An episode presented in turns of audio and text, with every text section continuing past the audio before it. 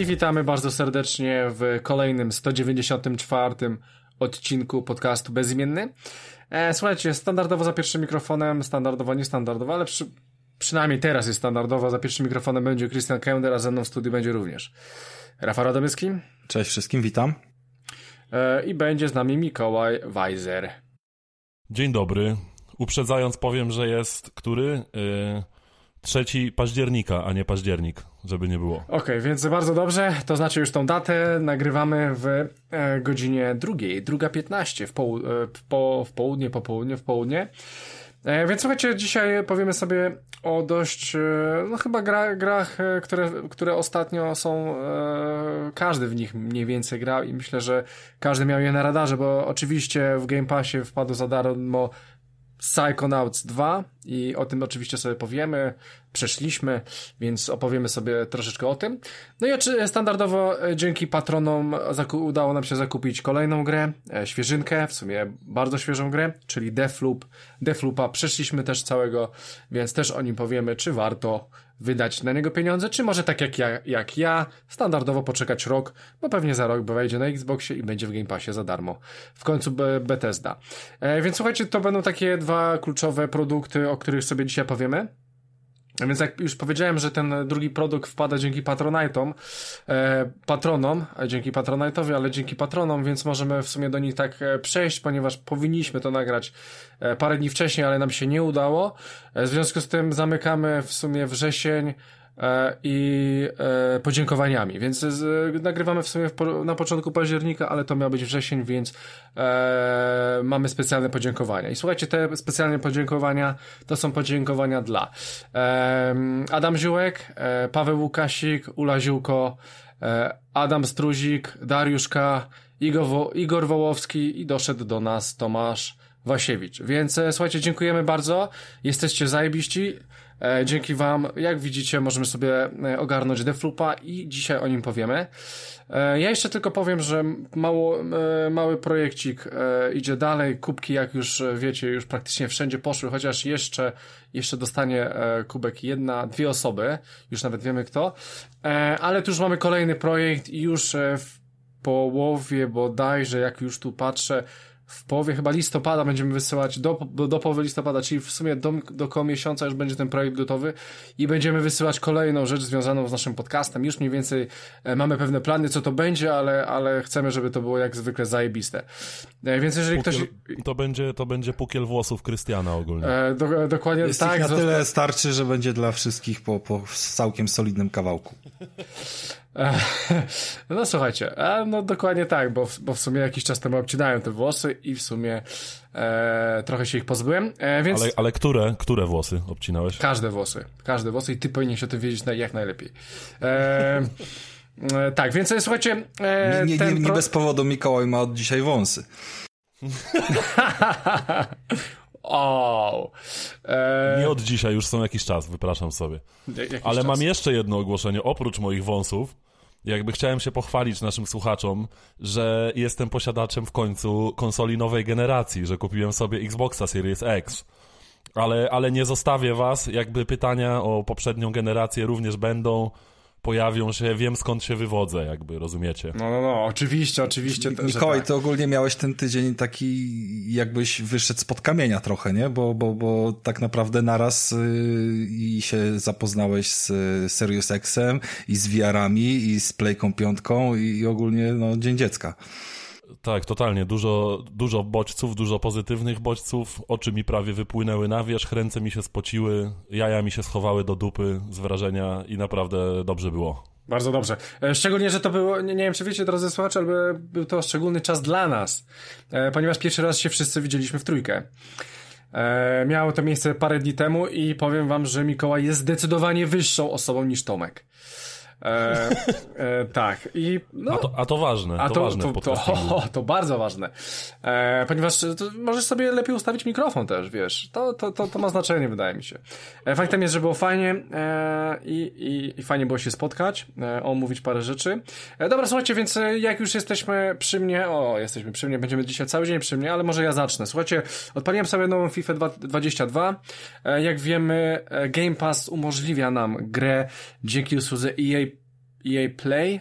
E, 10, 10 godzin możemy sobie zagrać w tytuł, który wyjdzie na na, e, no po prostu na, na jakieś urządzenia od stajni EA, więc można sobie 10 godzin pograć wcześniej w FIFA, w e, czy na przykład w Madena można było pograć, więc ja sobie podpaliłem tą FIFA, no i powiem wam, że ładnie wygląda, mamy nowy, e, nowy komentarz, więc e, Szpakowski, Dariusz Szpakowski odchodzi bodajże po 15 latach z tej serii i wszedł Tomasz, e, Tomasz Twarowski jest w porządku. Chyba Darek był lepszy, aczkolwiek chyba cza, czas już na niego i, i, i trzeba posłuchać e, Tomka.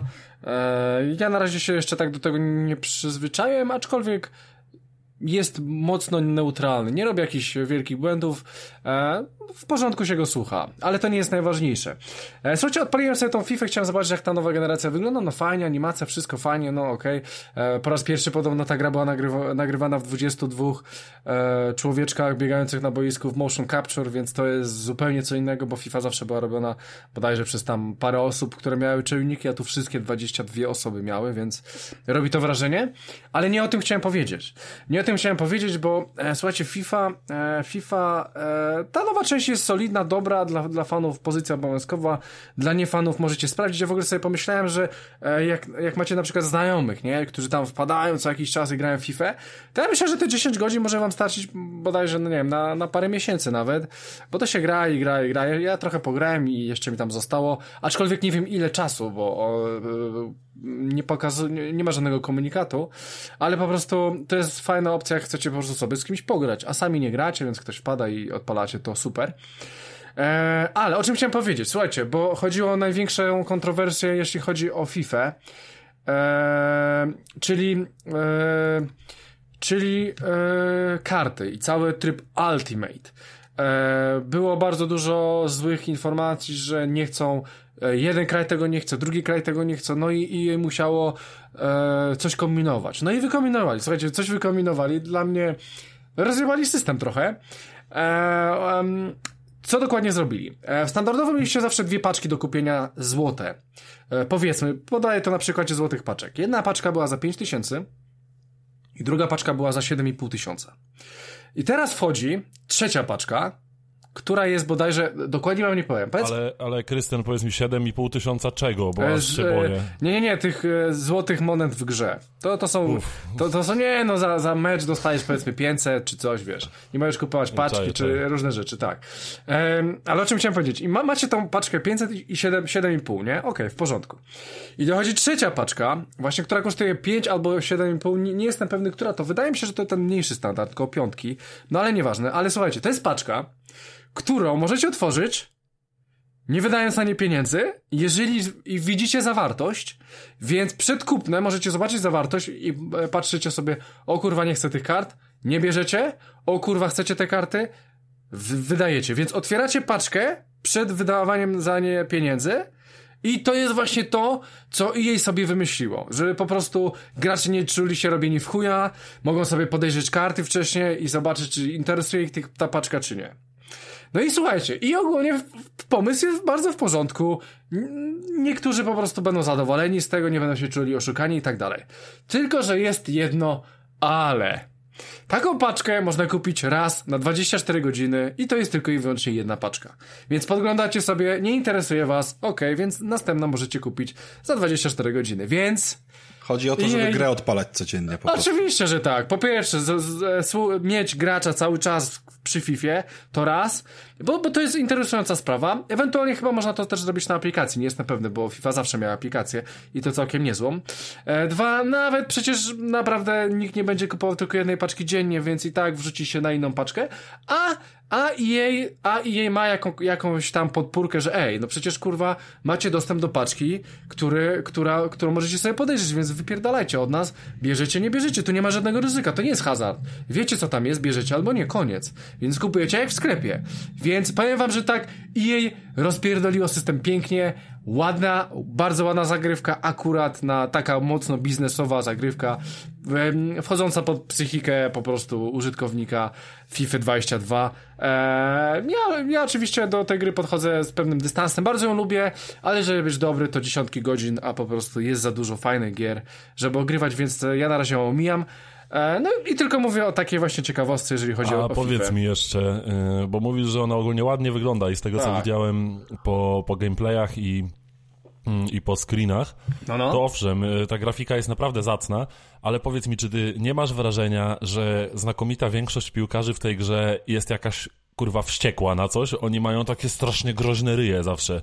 Zawsze takie ściągnięte do środka brwi i wyglądają jakby chcieli ci zajebać z dyni. E, wiesz co? Nie, ma, nie masz takiego wrażenia? Nie, nie mam takiego wrażenia, aczkolwiek e, wcale bym się nie zdziwił, gdybyś miał rację i by tak było. Ja jakoś się tak e, nie przypatruję e, tego typu rzeczom, e, czy replayom, czy coś, zawsze skip, skip, skip i szybko, szybko, szybko, nie? Więc tak z oddali za bardzo tego nie widać. Może z, faktycznie z poszczególnych akcji to widać, ale ja po prostu się nie przy, e, przypatrywałem, ale być może masz rację. Faktem jest, że słuchajcie, nowa FIFA jest naprawdę dobra, nowogeneracyjnym tytułem i po prostu myślę, że dla fanów jak najbardziej pozycja obowiązkowa, dla Rafała nie. I to się nigdy nie zmieni chyba. E, dobra, słuchajcie, więc to tyle, jeżeli chodzi o mnie. Przejdźmy, przejdźmy w takim razie do Rafała, którego wywołałem. Rafał, chciałeś powiedzieć coś o Questie 2, coś odkryłeś, Eureka, e, więc co, co, tam, co tam ci się stało? Odkrył, że trzeba gogle założyć na głowę. W końcu. Tak, tak. Zawsze tył naprzód zakładałem, no, tak wiecie, ale, ale obraz był rozmyty. Yy, wiecie, że gogle już jakby trafiły do mnie po, po tych kilku wymianach yy, bez jakichś konkretnych wad typu padpiksele i tak dalej, są spoko. No, no. Mm, Kolejną ciekawostką jest to, że raptem, nie wiem, z miesiąc czy dwa miesiące temu Facebook odświeżył yy, model Oculusa podstawowy i w tym momencie on ma już 128 giga w bazowej wersji, a nie 64, a dalej kosztuje tam, zamawiając bezpośrednio u producenta koło w przeliczeniu 1700 zł, więc jest to całkiem, całkiem spoko e, koszt jak na, jak na to, co oferuje. E, Poza tym żadnych zmian nie było, mm, tylko taką silikonową nakładkę jeszcze dają na, na to, żeby się tam mm, od skóry oddzielić gogle, bo, bo tam podobno, podobno ta gąbka oryginalna jest y, dla niektórych jakaś alergiczna, czy, czy coś w tym stylu. W każdym razie, Coś, co pojawiło się e, w tych goglach jakiś czas temu, wciąż w wersji beta, ale jednak w oryginalnym, oficjalnym oprogramowaniu, to jest e, Airlink. Airlink, czyli połączenie e, oficjalne przez Wi-Fi, nie wymagające kabla. To jest coś zajebistego i to już miałem okazję testować trochę jakby krakując te gogle. Jakieś tam były poradniki, sporo zabawy i aplikacja cudowna swoją drogą Virtual Desktop, która właśnie pozwala mm, przejąć kontrolę nad komputerem, odpalać gry z VR-a właśnie w ten sposób, a teraz to wszystko trafiło do, do, do tego mm, oficjalnego wsparcia. E, Niemniej jednak e, nie działało to zbyt fajnie na tym routerze, który miałem. Podejrzewałem, że to jest wina routera, ale e, nie bardzo było jak tego sprawdzić i taką możliwość znalazłem, poczytałem, poszukałem, więc ukracając pewne po prostu przyszłe ewentualnie wasze problemy, wymagany tak naprawdę do dobrego połączenia jest router obsługujący Wi-Fi 6. To jest jakiś tam, mm, on ma wsparcie jednego z nowych e, systemów tam połączenia tej sieci Wi-Fi, mm, który jest niedostępny dla, dla poprzednich. i To jest w sumie coś, w co warto zainwestować, bo się raczej prędko nie zmieni. Ta Wi-Fi 5 już od kilku lat była na rynku. Mm, Playka piątka też y, korzysta z Wi-Fi 6 i od razu widać różnicę jakby na połączeniu, yy, no że ma przewagę na połączeniu bezprzewodowym. Wiadomo, że i tak zawsze najlepiej do konsoli podpiąć kable, ale do gogli niekoniecznie, więc yy, Oculus, który wspiera Wi-Fi 6, chociaż nie jest to jakoś mocno wyartykułowane nigdzie, na, jakby, bo oni to dalej traktują jako wersję beta usługi, w związku z tym po prostu się tym mocno nie chwalą. Mm, Nie mówią, jaka specyfikacja musi być tego routera. Yy, Wi-Fi. No i po wymianie tego routera, po sprawdzeniu go najpierw u, u kogoś innego, a potem po wymianie yy, u siebie mogę przyznać, że jest naprawdę świetny efekt, że jakby przesyłana mm, jakość, bo ten system jest tak zrobiony, że minimalizuje wszelkie lagi i opóźnienia i tak naprawdę można było grać nawet na tym starym routerze bez problemów z tymi opóźnieniami, ale system sam dostosowywał sobie bitrer tego przesyłanego obrazu i niezależnie od ustawień w systemie on po prostu wyglądał jakby odpalić wideo na YouTubie w 320 albo w 240, wiecie, z takimi artefaktami, z taki stary DivX, kurwa, takie filmy po prostu jak ktoś by, nie wiem, chciał porno z osłem pobrać, to właśnie w takiej jakości by je oglądał, nie? I to wszystko załatwia kwestia routera Wi-Fi 6, więc y, fajna inwestycja w kontekście tam, nie wiem, wydania 300-350 zł na taki sprzęt. No jest ich trochę na rynku dostępnych, więc konkretnych żadnych nie polecam, ale to, to faktycznie gdzieś tam sporo zmienia, sporo poprawia. No i myślę, że coraz więcej urządzeń też będzie, mm, będzie gdzieś tam wchodziło na tą technologię, więc w gruncie rzeczy to to jest chyba też w miarę odpowiedni moment na upgrade jakiś domowego systemu. E, ale żadnej konkretnej gry nie będę na razie z Oculusa przytaczał, chodziło tylko o takie techniczne wtrącenie. E, Alixa zapowiadam, bo się wreszcie dorobiłem no, tego Alixa, tylko jest już tak właśnie dlatego tego Airlinka i ten router też poszedł. No jakby stosunkowo wyszła droga gra, bo trzeba było do niej kupić e, gogle, router, laptopa i jeszcze kurwa samą grę na koniec. No, no właśnie, bo ty bez laptopa tego nie odpalisz, Rafał, nie? Nie, nie, nie. Alix jest dostępny tylko w sklepie Steama i no ogólnie rzecz biorąc nie, nie ma opcji. Jakby Oculus Quest odpala gierki takie jeszcze brzydsze niż PSVR, no bo tam mocy obliczeniowej nie ma za wiele, tak? Jest wyższa rozdzielczość, ale graficznie te gry wyglądają gorzej i nawet taki Beat Saber, który się odpala natywnie na konsoli, wygląda gorzej niż jak się go odpala na PSVR albo na PC, bo na przykład jest problem tam z wygenerowaniem efektów przezroczystości tych klocków i one są takie bardziej matowe, nie? Co, co niestety trochę utrudnia pewne tam sytuacje, bo tam jakieś ścianki przecież latają i tego typu przeszkody. No ale... To chyba, chyba coś czuję, że zamieszkam u ciebie na parę dni, jak będziesz miał tego Alixa. No ju, już był, tylko ci nie mówiłem, więc... Y, Ej, szkoda, że nie mówiłeś, bo ja chciałem też zobaczyć, byłem przy no, no, nie, było, nie było czasu, poza tym, tak jak mówię, nie wiedziałem jeszcze, czy dobrze ten Airlink zadziała, nie było czasu go, go przetestować, ale myślę, że myślę, że będziemy jeszcze mieli okazję e, się z tym pobawić. A nie, wcześniej, no tak. Chyba trochę wcześniej, a może nawet będzie jakaś ze dwie okazje nawet. Zobaczymy. E, okay. więc Airlink działa dobrze pod Wi-Fi 6, to jest jakby dla was e, uwaga. E, ja osobiście router kupiłem od Xiaomi, bo, bo, bo no zawsze jakby idę w kierunku jakichś tych sprawdzonych rozwiązań, a w gruncie rzeczy chodziło o to, że cenowo poszła półka wyżej niż, niż to, co oferuje.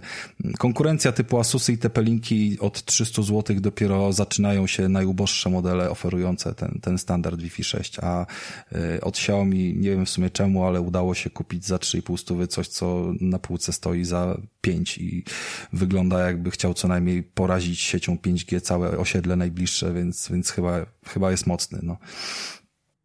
Mhm. E, dobra, e, więc e, przejdźmy dalej. E, Mikołaj, wiem, że masz jakiś komiks. Co tam czytasz ostatnio? Mm, tak, tak. Mam taki komiks jeden, który wygrzebałem właściwie z takiego pudła z jakimiś moimi starociami z czasów dzieciństwa. I to jest komiks, który został przeze mnie przeczytany i w dzieciństwie, i później jakieś po prostu setki razy. Widać to, widać to po nim. Wyślę wam potem zdjęcie, bo mam tego komiksu w ogóle oryginalne wydanie z roku jego wydania. To jest z roku 2000. E, komiks, takie specjalne wydanie Giganta. I to się nazywa y, Życie i czasy Sknerusa McQuacza. I ostatnio wróciłem sobie do tego komiksu. Mhm. Mam go teraz w ręce nawet tutaj przed sobą. A, no widzę, no. Mm, I... Widzisz, mówisz? Mhm, widzę, no. Tak, i wróciłem sobie do tego komiksu i zostałem po prostu powalony tym, jak ten komiks się właściwie w ogóle nie zestarzał. Yy, ilustracje w tym, w tym dziele, to, są, to jest absolutne mistrzostwo i są tak pełne niesamowitych, humorystycznych detali. Wystarczy otworzyć jakąkolwiek stronę i spojrzeć na właściwie dowolny, y, dowolny kadr, dowolny, dowolną ramkę z tego komiksu i widzimy, że oprócz głównych bohaterów rozmawiających czy wykonujących tam jakieś czynności w tym komiksie, w tle dzieje się po prostu milion rzeczy i ile razy bym tego komiksu nie czytał, właściwie zawsze znajdę coś nowego, jakiś nowy detal, który mnie potrafi rozbawić do tego stopnia, że się po prostu szczerze do siebie uśmiechnę. E, no, komiks ma chyba e, około 200 stron, zaraz, zaraz zerknę. Mhm. Tak, 230 stron czytania to jest. E, I naprawdę warto, bo humor i wszelakie gagi, historie w tym komiksie, tak jak powiedziałem, absolutnie się nie zestarzały. I to wygląda po prostu zajebiście. No, chłonie się to, mówię, chłonę ten komiks tak samo jak 20 lat temu, kiedy go sobie kupiłem. jako, jako dzieciak. 21 lat temu już właściwie, bo to jest z 2000 roku ze stycznia. Więc, y, więc trochę mhm. już ma. Więc polecam wam sobie sprawdzić. Niedawno była jakaś, y, jakieś było wznowienie tego komiksu. Nie wiem, czy to przez Egmont, czy Egmont w ogóle jeszcze istnieje, ale w każdym razie widziałem, widziałem gdzieś w sieci, yy, można było kupić wznowienie tego właśnie komiksu. Także polecam wam sobie to sprawdzić. Ja ostatnio sobie do, dosiadłem do tego, wziąłem to do ręki w ogóle jak szedłem na klopa i, i sobie zacząłem czytać i zostałem z tym komiksem i przeczytałem go do końca. Bo, bo ogląda się i czyta to rewelacyjnie. I jak sam tytuł wskazuje, mm, opowiada o, o życiu Sknerusa od jego dzieciństwa, takiego dość wczesnego dzieciństwa, kiedy miał dosłownie kilka lat, aż do powiedzmy czasów obecnych, w których znamy go z, z komiksów o Donaldzie, tak? Czyli już kiedy jest y, starszym człowiekiem i najbogatszym kaczorem na świecie, natomiast w tym komiksie jest pokazana cała jego droga, y, jego podróże po całym świecie. Są fantastycznie pokazane różne lokacje z całego świata, oczywiście odpowiednio wykrzywione w takim krzywym zwierciadle, jak to, jak to w tych komiksach, ale komiks ma niesamowitą atmosferę przygody, podróży i, i takiej więzi, więzi z bohaterami i opowiada naprawdę o fajnych, uniwersalnych wartościach i absolutnie w ogóle się nie zestarzał. I myślę, że i dziesięciolatek, i czterdziestolatek będzie się przy nim bawił tak samo zajebiście, bo każdy znajdzie w nim coś dla siebie. Także polecam. Życie i czasy Sknerusa McQuacza z 2000 roku. Może wrzucę na, na bezimienną grupę zdjęcie mojego wydania, o, które super. już jest które już jest mocno, mocno styrane, nadgryzione zębem czasu i moimi delikatnymi rączkami. Ohoho. Także no, przeczytane jest od deski do deski setki razy, polecam. Okay. Zajebista sprawa. E, Okej, okay. chętnie zobaczę jak to teraz wygląda. E, słuchajcie, e, i za, zanim przejdziemy już do pierwszej gry, czyli Psychonauts 2, e, ja wam powiem jeszcze o, o, filmie, który oglądałem. w sumie to, ja, to nie ja powinienem o nim mówić, tylko Rafał. Co ciekawe, ale tym razem powiem to ja, bo Rafa nawet tego nie oglądał, aczkolwiek wiele nie stracił. E, słuchajcie, Netflix kuje żelazo póki gorące i wiemy, że w, w świecie Wiedźmina powstanie dużo rzeczy. Nie tylko też serial, co leci, nie tylko ten, ten film animowany, o którym chcę powiedzieć, czyli Wiedźmin z Mora Wilka, ale wiemy, że już chyba jakieś dwa spin-offy są zapowiedziane i wiadomo, no, będzie się dużo działo. E, ja nie jestem jakimś wielkim fanem serialu, e, Twierdzę, że, że, jest, że jest dobry, ale nie jest dobry, jeżeli chodzi o seriale, które po prostu są na rynku. E, po prostu przyjemnie się to ogląda i fajnie jest poczuć ten klimat tego Wiedźmina w tym wszystkim. E, faktem jest, że wyszedł właśnie Wiedźmin z Mora Wilka, e, film animowany. E, słuchajcie, e, jest to film, który opowiada historię e, Wesemira. On jest wtedy młodszy, dużo młodszy i po prostu jak staje się Wiedźminem, troszeczkę jego dzieciństwo, jak właśnie dochodzi do tego, że jest Wiedźminem i później jako ten Wiedźmin jest pokazane, co on tam sobie robi, poluje i tak dalej, zlecenia nie bierze, i na końcu jest jakiś tam finał. E, słuchajcie, jeżeli chodzi o, ten, o tą bajkę, to nie miałem żadnych oczekiwań do, do niego. Kreska jest zrobiona troszeczkę nad e, zajebistą bajką, którą ja oglądam, anime, e, który ja oglądam, czyli e, Castlevania. E, właśnie ostatni sezon wleciał jakiś czas temu, muszę dokończyć, więc po prostu kreska jest praktycznie identyczna. A mówisz, y, mówisz o tej Netflixowej Castlevania, tak? Tak, tak, Co... tak, tak. Już, już czwarty sezon, ostatni wleciał, muszę to koniecznie obejrzeć. To jest, to jest naprawdę E, klasa światowa, jeśli chodzi o anime i naprawdę... Muszę, mo, może spróbuję, może spróbuję, spróbuj, przezwyciężyć swoje odru, odruchy wymiotne na widok Warto. anime. Właśnie ja mam ten sam może problem, spróbuję. że można oglądać Wiedźmina, bo jest fajny, ale jak się nie ogląda anime, to się system zawiesza, no i jakby dlatego ty recenzujesz to, a nie ja.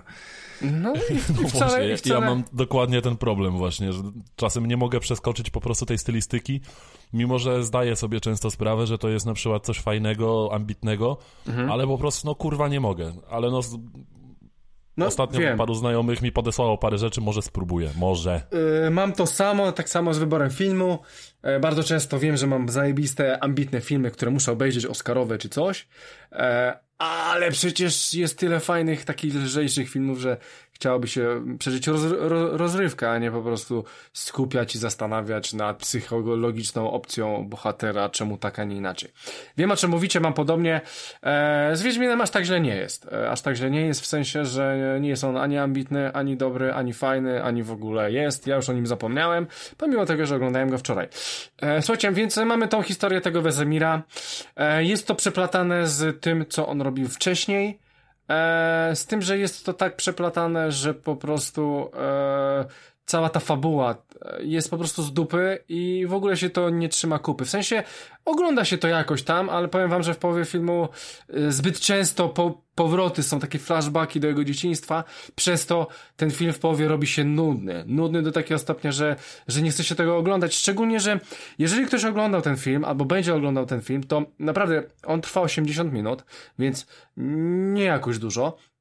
I po tych 40 minutach ja miałem wrażenie, że to by był idealny koncept na serial. Bo po tych 40 minutach tam się kurwa nic nie wydarzyło, więc akurat w, w sam raz takie dobre, taki dobry początek jakiegoś tam serialu dziesięcioodcinkowego, tak? Ale nie, no tutaj w połowie się nic nie dzieje, w drugiej połowie coś się tam zaczyna dziać i w sumie film się kończy. Więc y, sami zobaczycie, że tu bardziej to, gdyby było, so, było serialem, więcej czasu dla poszczególnych bohaterów, byłoby to troszeczkę lepsze. No niestety nie, jest to film, e, jaki jest. E, słuchajcie, co mnie, co mnie bolało w tym, w tym filmie, poza tym, że ładnie jest to narysowane, e, ja akurat oglądałem to po angielsku, aczkolwiek Castlevania oglądam po polsku, bo jest rewelacyjny dubbing w nim. Jak go będziecie oglądać Castlevania, polecam polski język. E, to powiem wam, że e, tutaj te, te, ta cała walka i to wszystko związane z walką jest tak chaotyczne, że jest spierdolone. Po prostu nie da się tego oglądać. Po prostu ty, ty nie wiesz, ty oglądasz walki, ty nie wiesz, co się dzieje, bo te kadry latają, to nie jest jakiegoś, jakoś dobrze, e, dobrze uzasadnione, czemu ten kadr po tym, a ten kadr po tym i czemu w ogóle to wszystko na siebie nachodzi tak, że ty nie masz pojęcia o chuj im chodzi. I niestety... Czyli to jest, czyli to jest krótko mówiąc anime po prostu. No tak, ale można zrobić to lepiej, można lepiej z, z, zorganizować te walki, może to mieć więcej sensu, ale no niestety nie. Szczególnie, że, że sama fabuła jest chujowa. E, mamy tam opcję, że po prostu jest walka wiedźminów z wiedźmami, ogólnie z ludźmi i tam jest wielka walka tego wszystkiego. E, no ale moment, w którym po prostu dochodzi do tego, jest wyjęty z dupy, jest bardzo, e, bardzo wyolbrzymiony i dla mnie bardzo mocno nieprzekonujący. Dlatego powiem wam, że ja osobiście się na tym filmie wynudziłem. E, myślę, że taki fan jak Rafał już dawno powinien go obejrzeć, szczególnie, że to miało pod koniec sierpnia premierę. Dziwne, że jeszcze do tego nie doszło.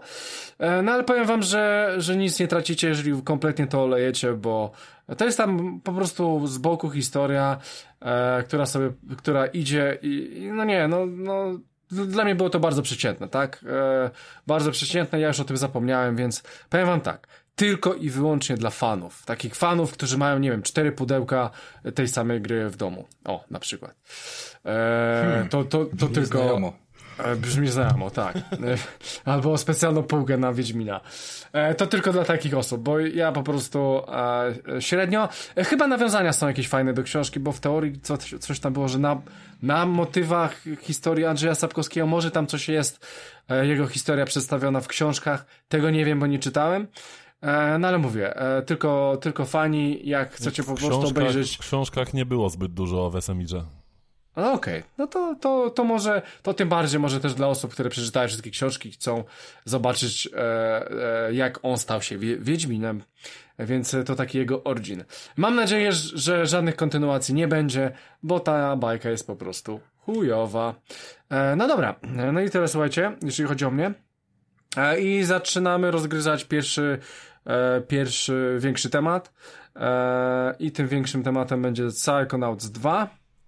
Oh yeah. Oh yeah. E, słuchajcie, tytuł ekskluzywny, nie, nie ekskluzywny, nie, nie ekskluzywny. Znaczy ekskluzywny dla Microsoftu oprócz PlayStation 4, to jest w ogóle dziwna sytuacja, bo y, to wyszło na wszystkie platformy Microsoftu. Ale wiesz czemu? Plus, plus PlayStation 4, natomiast nie wyszło na PlayStation 5. A wiesz czemu, Mikołaj? Nie wiem. A ja wiem. Inaczej, czyli mówiąc odwrotnie, nie ma eks ekskluzywność, ma tylko Series X, tak? To, co, w sensie, nie, bo, ma ekskluzywność nie, nie, na nową generację, tak to należy powiedzieć. Okej, okay, tak. E, słuchajcie. Nowogeneracyjnie jest tylko na Series X. E, tak, tak, tak. Słuchajcie, no dobra, to wam powiem o co chodzi. E, ten projekt był na Kickstarterze i na Kickstarterze była, było obiecane, że wyjdzie to na wszystkie konsole i w, w ramach, wtedy kiedy ten e, twór powstawał, Microsoft postanowił sobie wykupić te studio e, i wziąć sobie. Double fine. E, tak, i wziąć sobie e, ich do siebie jako swoje portfolio, a że ze względu na, na, na to. Na Allegro że... chyba tam siedział w chwili. O, e... kliknę sobie. A, dokładnie tak. I słuchajcie, Taki próg, i względu... snajpera, próg dofinansowania y, dostaniesz kopię gry, kup całe studio. O, pasuje. Ktoś sobie dla jaj wpisał, a ten blikiem zapierdolił. Dziękuję. Nie no, spoko. Mogło tak być i dlatego było to obiecane, że użytkownicy PS4 też dostaną tą grę. W związku z tym, no, Microsoft mm -hmm. nie był po no prostu tak. zrobić nie wiem, no, no nie, nie dawać im e, te, te, tej gry, więc ona wyszła, ale jak chłopaki zauważyli, faktycznie nie wyszła na PS5, więc użytkownicy PS5 dostają grę z PS4, bo to akurat mogą. E, nie była tam żaden promysł na, na nową generację, tylko po prostu na starą generację, bo w sumie ta, ta, ta gra miała wyjść na starą generację, ale troszeczkę się to wszystko przedłużyło. E, no i słuchajcie, no to, to mamy Psychonauts, czy chce ktoś zacząć, bo ja nie chcę. Ja mogę zacząć, bo nie przedłużając, jakby bez zbędnego przedłużania właśnie nasz ulubiony zwrot. Okay. Ta gra jest po prostu wykurwista.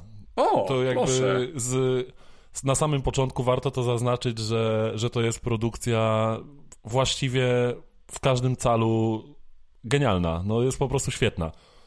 Ona przede wszystkim I... jest nietuzinkowa, jakby dotyka, tak, dotyka tak, problemów. To... to... jest, wiecie, bo Psychonauts nie jest tytułem, który jest znany. On ma swoją y, pewną kultowość, ale no niewiele jest ale osób, które... pierwsza część była dość niedoceniona. Raz, że była niedoceniona, dwa, że to było kilkanaście lat temu, to nie jest jakby druga część po, po pięciu latach, która wychodzi, tylko jakby coś, o czego Zgadza ja na przykład się. nie wiedziałem istnieniu wcześniej, tak? Mhm, e... tak, tak, więc właśnie tym i... bardziej Y, tym bardziej y, odważną decyzją ze strony Double Fine było zrobienie bezpośredniej kontynuacji i to tak bezpośredniej, że chyba bardziej już się nie dało, bo dosłownie y, akcja drugiej części się rozpoczyna kilka godzin po zakończeniu akcji pierwszej części. E, ale tak, to jakby. Zasadniczo, zasadniczo jeszcze po drodze była część, która wyszła z kolei tylko na PSVR. I jeszcze tak. pomiędzy tą pierwszą i drugą jest ten jakby dodatek, ale to jest jakby tam główienko na dwie godziny. To szkoda, szkoda o tym wspominać. E, natomiast tak, jakby Double Fine, e, czyli twórcy tej gry, to jest w ogóle ciekawe studio. Ono, mia, ono ma na swoim koncie kilka naprawdę kultowych gier. E, między innymi takie rzeczy jak Grim Fandango, Full Throttle to są właśnie gry tego studia. A y, ostatnią ich grą było Brutal Legends. Nie wiem, czy kojarzycie tę grę. Tak. Która jest po prostu świetna. I tam występuje Jack Black, y, skądinąd znany y, fanom cięższych brzmień z zespołu Tenacious D. Dokładnie. I y, w drugiej części Psychonautów Jack Black również się pojawia, więc chociażby dlatego warto, warto po prostu w tę grę zagrać, bo Jack się tam pojawia, nawet śpiewa tam całą piosenkę. Więc po prostu dla mnie, jako dla kogoś, kto się wychował na kostce przeznaczenia i tego typu rzeczach, to jest po prostu wspaniały smaczek, cudowny. Mhm. Więc to jest doświadczona ekipa z Timem Schaferem na czele. To jest koleś z LucasArts, czyli jakby no znane nazwisko. E, kurwa, jaka ta gra jest dobra. No po prostu aż y, tak chciałem zacząć, a nie wiem od czego to zacząć. Może zacznij od tego najpierw jak w to się gra, a potem co tak, tak naprawdę... Tak, mamy do czynienia z y, platformówką 3D, tak naprawdę. E, z elementami walki i rozwiązywania jakichś tam niezbyt trudnych zagadek środowiskowych. E, natomiast czym ta gra stoi, jakby, to ma takie dwa największe atuty. I pierwszym z nich to jest projekt i wykonanie każdej lokacji, każdego obiektu i całe wykonanie i projekt tej gry, cały jej zamysł, to jest coś, co totalnie hołduje wyobraźni i kreatywności, bo ja nie pamiętam, szczerze mówiąc, yy, w moim takim nerdowskim życiu, kiedy ja się spotkałem z czymś, co powodowałoby mi taki opad szczęki po prostu na prawie każdym kroku. Yy, gdzie gra zasypuje mnie niesamowitymi pomysłami na siebie. I nie mówię nawet o jakichś super rewolucyjnych rozwiązaniach gameplayowych, ale właściwie e, chodzi o to, jak połączone jest wykorzystanie umiejętności motoryki postaci właśnie z tymi projektami. Wrzucenie tych mechanik do tych projektów poziomów to jest coś, co z tej gry robi absolutną perełkę. To jest rewelacja. A drugi atut tej gry, który może nie być aż tak oczywisty w sumie na pierwszy rzut oka, to jest bardzo dobra, dojrzała i dobrze napisana fabuła, historia tej gry.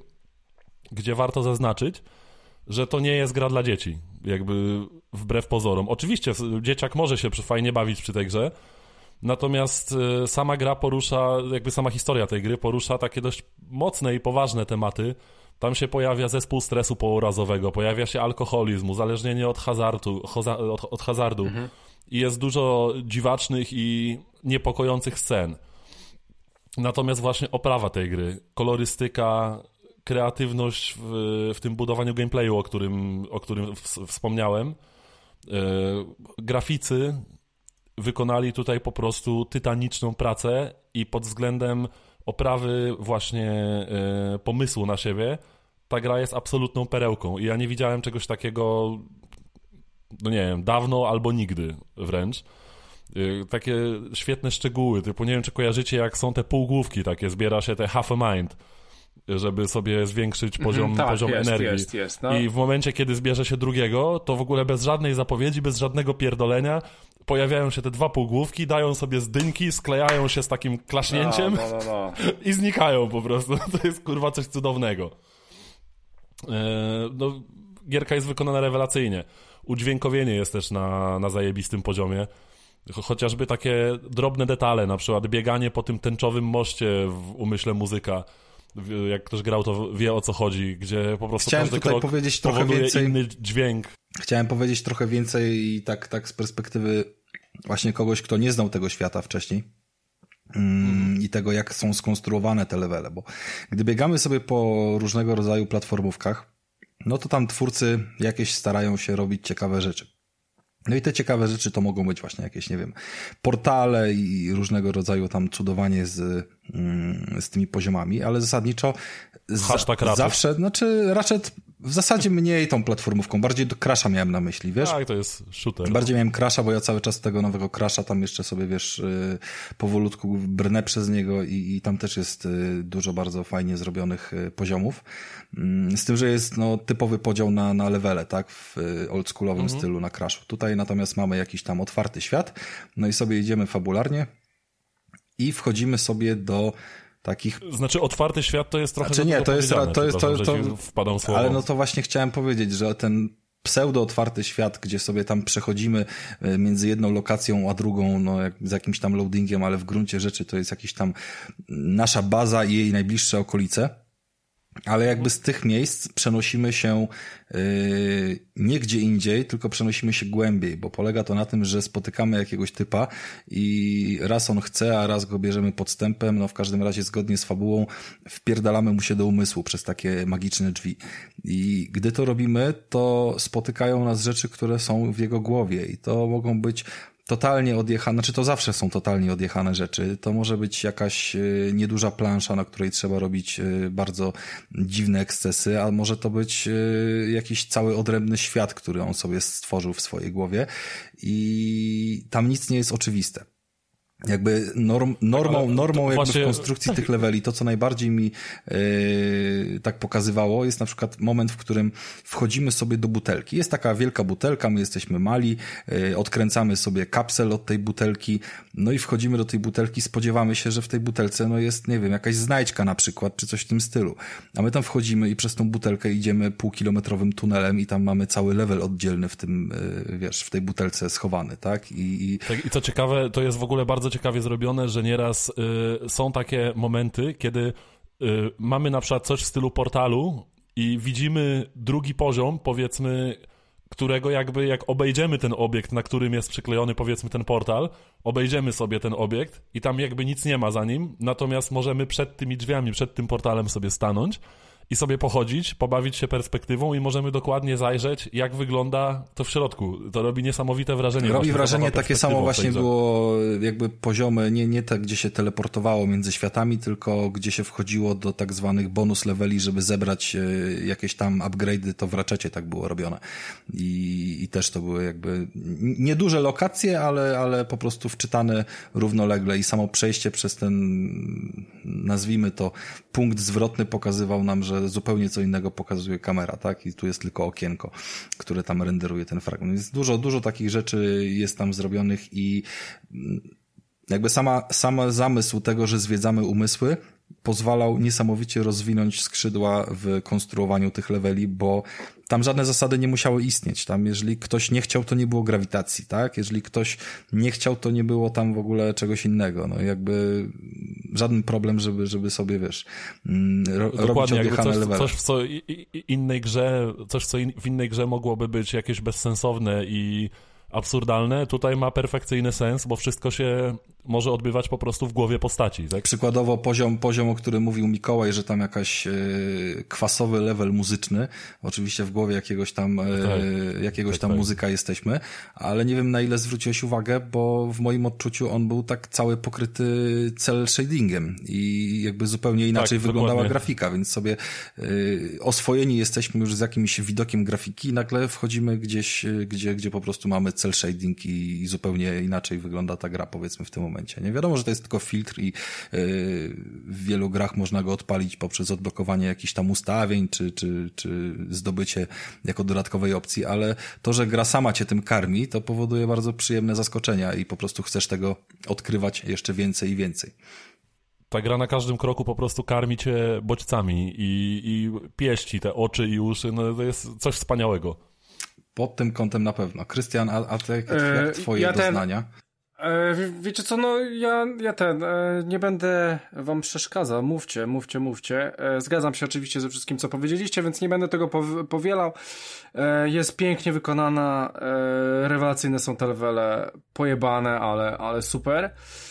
Słuchajcie, ale bardzo, bardzo mi się spodobało, że nasz główny bohater, którym my gramy, jest dziecinny, ale też on jest dziecinny. On jest, on jest młody, a i on też jest dziecinny, więc e, bawią go na przykład niektóre takie e, dziecinne zachowania, że tutaj ktoś sobie coś odkrywa, albo on sobie coś odkrywa i widać, że my gramy dzieckiem. I bardzo fajnie jest pokazana w, w tej grze e, właśnie to, tak. że to jest dziecko i my gramy dzieckiem.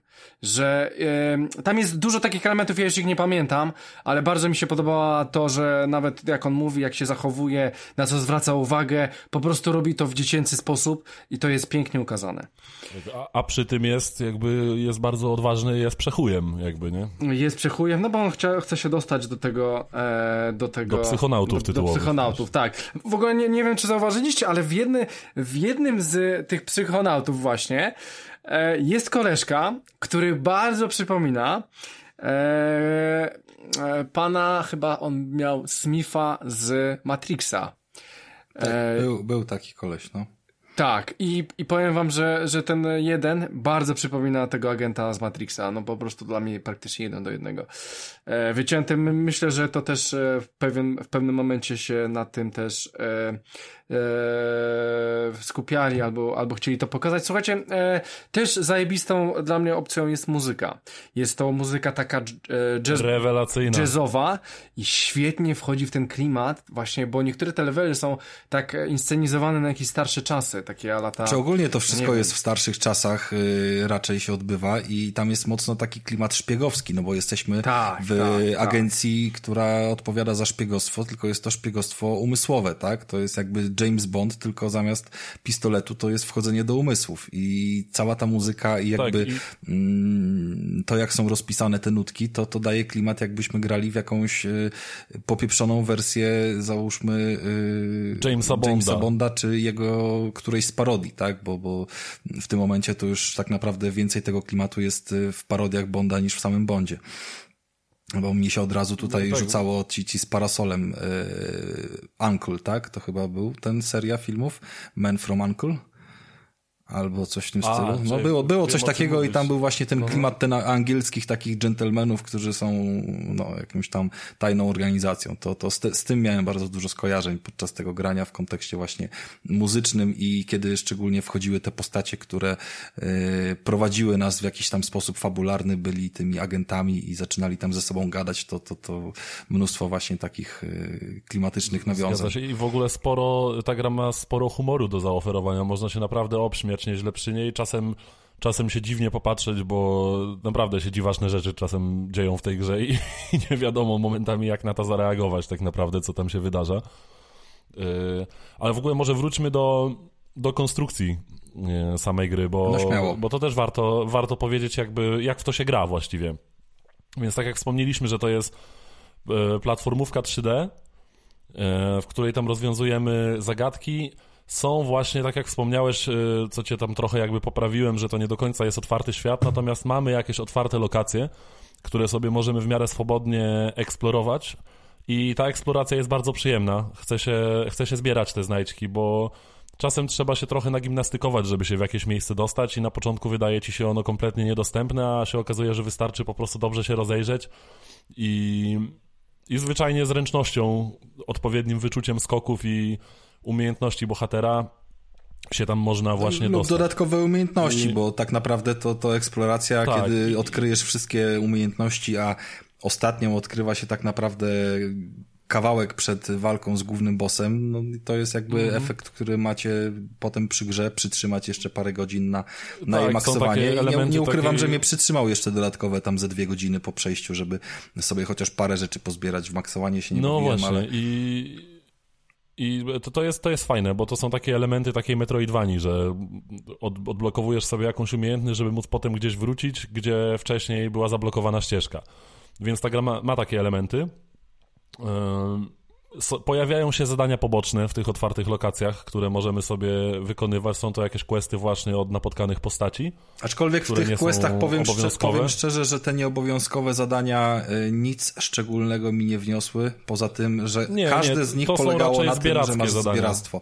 Albo musisz znaleźć tego samego typa, który się chowa przed tobą tam w pięciu różnych miejscach, albo jakieś inne pięć znajdziek, albo trzy znajdźki, no i zasadniczo to jest tylko kwestia do skakania i do biegania, żeby gdzieś tam mieć tak, misję. Tak, tak, natomiast robi się to przyjemnie, bo zwyczajnie motoryka postaci jest przyjemna i, i, i fajnie się to całkiem robi. Natomiast same zadania, tak, zadania poboczne są bardzo jakby odtwórcze, są często jakby fajną, fajnie oprawione. To wszystko jest humorzaste, kolorowe, natomiast nic szczególnego nie, nie wnoszą do, do gameplayu. No i przede wszystkim Ale tu tak, jest taki dysonans w projekcie tych y, leveli. Jakby można to już było wyłapać mhm. Y, z tego, co wcześniej powiedział Mikołaj, ale chciałbym to podkreślić, że gramy dzieckiem, tak? Jakimś tam, nie wiem, dziesięciolatkiem powiedzmy. To jest jedna rzecz.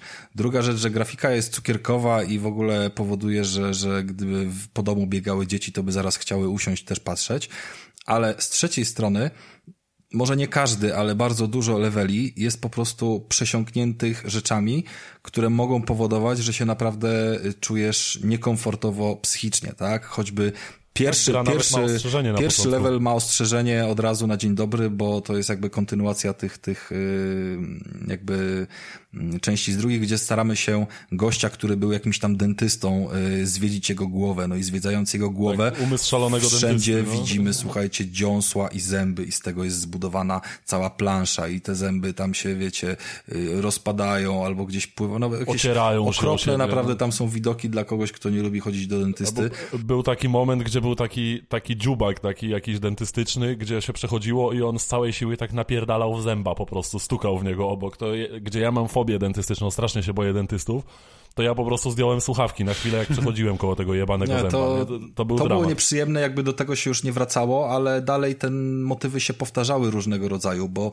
y, był motyw z y, konkursem kulinarnym, gdzie po prostu było taka... Który taka, był bardzo niepokojący. Był bardzo niepokojący. Tam była taka ilość y, wymiocin i takiego, wiecie, brudu, syfu i tak dalej, jakby tutaj... Pod... Tak, w ogóle już nie spoilerując, ale sam sposób pokonania bossa, który był takim obrzyd, taką obrzydliwą krytyką konsumpcjonizmu wręcz. To Zgadza się. Coś zajebistego. To, to było dobrze zaprojektowane, ale no jakby sam, sam poziom potrafił być e, niepokojący, e, w sensie ten finał, a i wcześniejsze jakby te rozgrywki konkursowe, gdzie się po prostu uśmiechnięte i machające do ciebie z widowni jajka i papryczki brało i za pomocą telekinezy wpierdalało na patelnię albo pod nóż. To, to, to były takie, wiecie... Albo był moment, gdzie trzeba było wziąć świnię i wielka świnia kroiła te świnie i, mu, i mówiła that's sick, man. Tak, dokładnie, takie komentarze się tam pojawiały.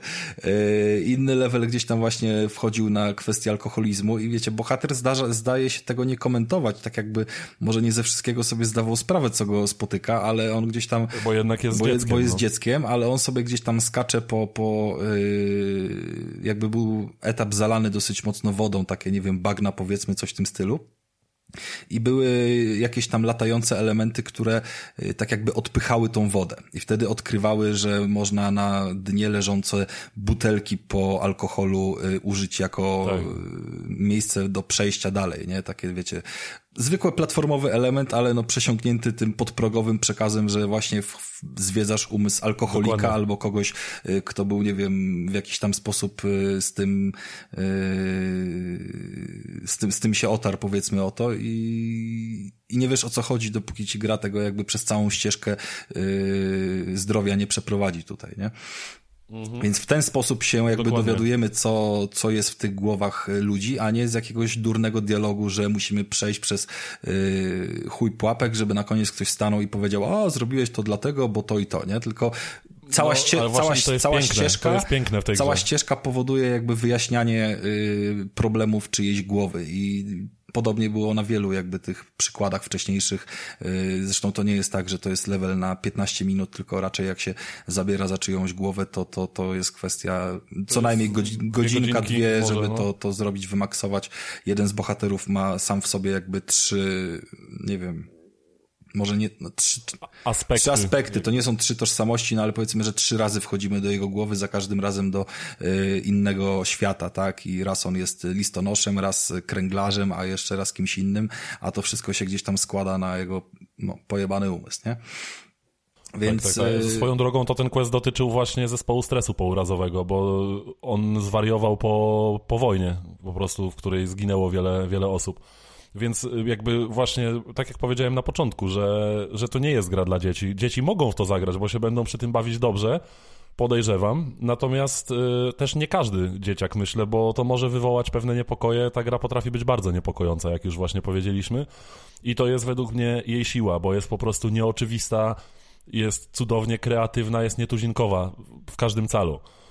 I no, to jest coś, w co według mnie po prostu ktoś, kto lubi gry, kto jest zmęczony takim trochę, taką trochę generyczną tą branżą, jakby, takim bo nie generyczną się. jakby formą są... prowadzenia rozgrywki, to jest największa różnica. I, bo i narracji, narracji, właśnie, narracji Ile, ile można grać w asasyny i tego typu różnego rodzaju gry, gdzie, gdzie po prostu biegniesz od postaci, ona ci mówi, co masz zrobić, a jak to zrobisz, to ci mówi, co się dowiedziałeś. No i kurwa... I Dokładnie, gdzie tutaj koniec. gra potrafi ci opowiadać historię właśnie samym projektem leveli, nie zostawionymi notatkami, czy, czy powiedzmy y, z uporem maniaka nagrywanymi dziennikami audio, tylko z poziomu my, jako gracz, naszymi własnymi oczami i uszami czytamy po prostu to, co gra chce nam zakomunikować i, i to się nie zdarza często teraz. To jest coś, co, czego naprawdę brakuje w grach. Był, byłbym I dlatego skory ta gra powiedzieć, to jest dla mnie absolutny must have. Byłbym skory powiedzieć, że nawet będąc głuchym i nie mając napisów w tej grze co do dialogów, to bym doskonale pojął całą fabułę i ideę tej gry, gdybym ją po prostu tak przeszedł. Tak, tak, tak, tak. To po, jest samym, po samym obrazie. Po samym obrazie i tym, przez co mnie ona gdzieś tam przeprowadza. I no, nie chodzi tutaj tylko o filmiki, tak? Tylko właśnie o, o, o to, że rozgrywka już jest częścią tego, nie? Może poza tym typowo eksploatacyjnym jakimś yy, elementem, gdzie sobie tam musimy pozbierać trochę pierdół, ale jakby wszystkie umysły to już jest ewidentnie tego typu, mm, tego typu wyzwanie. Więc to jest coś y, super, coś fajnego, naprawdę niespotykanego. I teraz bym chciał przejść do, do rzeczy, które mnie bolą. Tak, ja, ja, też mam kilka rzeczy, drobne przypierdalanko okay. będzie, jakby y, to nie są rzeczy, które w jakikolwiek sposób mi obrzydziły tę grę czy coś, absolutnie. To są takie pierdółki, które po prostu można by było zrobić lepiej. To jak Rafał już zaczął, to może, może zacznij, bo też mam parę rzeczy. Znaczy, to ty możesz mówić o samej grze, jeżeli w niej coś takiego cię tam ukuło. Mnie szczególnie nie. Samą grę uważam za majstersztyk i w gruncie rzeczy niezależnie, czy to będzie ogrywane na mhm. jednej czy drugiej konsoli, czy na starej, czy na nowej generacji, ty w sumie masz przeskok y, jakby... Tak, dokładnie, więc, bo w trakcie, w trakcie gry zmieniłem konsolę. Więc też no? możesz powiedzieć, czy to jest faktycznie jakaś tam duża różnica, ale y, strasznie mnie boli to, że ta gra nie dostała y, jakiejś takiej porządnego wsparcia, skoro to już studio zostało dofinansowane, wykupione. Marketingu. Nie dostało no. marketingu. Jest po prostu totalny śmietnik i wstyd i, i, i bieda, jeżeli chodzi o marketing. E, w tym momencie mamy podobne, podobną sytuację z Keną od PlayStation, które też sobie po prostu e, wykupiło ekskluzywność, ale to studio nie jest w żaden sposób z nimi powiązane, więc to w sumie jest jeszcze gorzej. Mhm. E, ale podobnie I, i też tego marketingu nie ma i mamy do czynienia z jakimś tam tam y, tytułem powiedzmy, wiesz, y, podpiętym.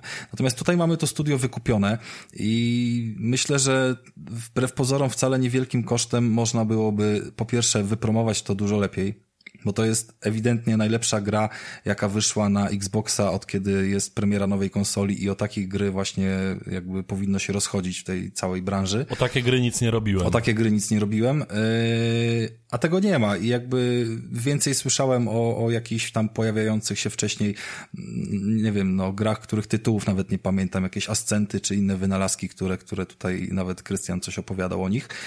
I to było dużo głośniejsze niż taka perełka po prostu, która czy, powinna czy jakiś Dark Alliance, że trafi do, do tego, czy coś tam. No, a to powinno po prostu być wszędzie, bo to jest coś, yy, czego się nie spotyka i jakby to jest miecz y, obusieczny. No, jeżeli nie będzie jakby ta gra odpowiednio się klikała, nie będzie powiedziane, czym ona jest, to nie będzie kontynuacji. Już jakby na chwilę obecną padło stwierdzenie w jednym z wywiadów, że nie ma na chwilę obecną planów co do kontynuacji. Mówimy tutaj jakby o słowach mhm. Y, twórcy, a nie studia, więc no podejrzewam, że...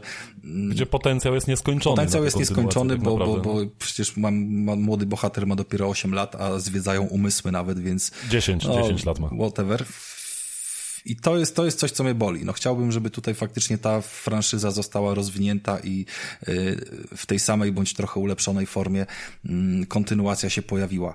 Y, co do samej gry, moim zastrzeżeniem jest to i poniekąd rozumiem w sumie tą zmianę, jakby y, gra z uwagi na tę swoją platformówkowo-waleczną formę jest bardzo łatwa jakby w odbiorze. Nie mówię, że ona sama jest łatwa, tylko łatwo w nią wejść. I tam parę razy można się napocić. Można się napocić, jakby ja wiele leveli też musiałem jakiś walk powtarzać i nie chodzi o to, że ona jest łatwa. Chodzi o to, że jest, y, jakby wchodzisz do tej gry i czujesz się poniekąd jak u siebie, bo grałeś już w takie platformery 3D, gdzie trzeba kogoś napierdalać i to nie jest nic nowego, nie? Czy to Ratchet, czy Crash, czy, czy tam coś jeszcze wyciągniemy z tego. Natomiast y, jedynka stała bardzo mocno i ja się też jakby nakręcałem i nastawiałem właśnie na taką rozgrywkę, że ma dużo zagadek, że jest swego rodzaju przygodówką w postaci y, platformówki 3D, ale że jest dużo miejsc, gdzie się trzeba napocić. Tutaj pojawia się jakaś tam jedna umiejętność naszego bohatera, mm, która czasami pozwala y, zrobić takie zagadki logiczne, typu łączenie jakichś punktów, dzięki czemu mm, myśli, no. tworzymy nowe myśli w czyjejś głowie i dzięki temu jakby znajdujemy rozwiązanie. Ale to są proste puzzle tak naprawdę, a do tego jakby były zbyt mało proste, to jeżeli wykonamy jeden krok źle, to nasz bohater powie na głos, hmm, kurwa, może by spróbować tak nie? I już wiemy, co mamy zrobić, więc jakby yy, nie tak, wiem, tak, czy, tak, nie wiem czy tych yy... podpowiedzi nie można wyłączyć, czy nie, no ale zasadniczo grałem tak, jak po prostu było ustawione wszystko na dzień dobry, więc trochę te jego dialogi mnie wkurwiały, bo chciałem więcej pokombinować, jakby opcja z ośmioma kulkami do połączenia w pary, to jest jakby, wiesz, ileś tam kombinacji i w gruncie rzeczy nie zajęłoby mi to dużo, a on mi spierdolił rozgrywkę już po dwóch minutach, nie? Bo, bo wystarczyło posłuchać, co tam, wiesz, powiedział. Mhm. Tak, tak, e, masz rację, bo w ogóle e, w pierwszej części, z tego co pamiętam, ja jej co prawda teraz przed premierą e, nie ograłem jeszcze raz, natomiast ja w nią grałem, nie wiem, z 10 lat temu, 12, coś w ten deseń, gdzie gra ma 16 lat i pamiętam, że tam były takie momenty, że tam w ogóle był ekwipunek postaci i tam można było jak w typowym point and clicku używać przedmiotów na przedmiotach i w ten sposób się rozwiązywało zagadki. To prawda, Gdzie, tutaj możesz y, jedynie tutaj... coś podnieść telekinezą z ziemi i odłożyć w innym punkcie, więc na tym się kończy tak, jakby tak, dokładnie. Roz, interakcja, interakcja taka właśnie. Więc... Tak, i właśnie te, tego zabrakło, to prawda. Tego, mhm. tego mogło być dużo więcej, to to jest w sumie jedyne zastrzeżenie co do samej gry, ale gdybym nie wiedział, że to było w pierwszej części, ja też trochę tam po prostu y, czekając na premierę coś tam sobie pooglądałem.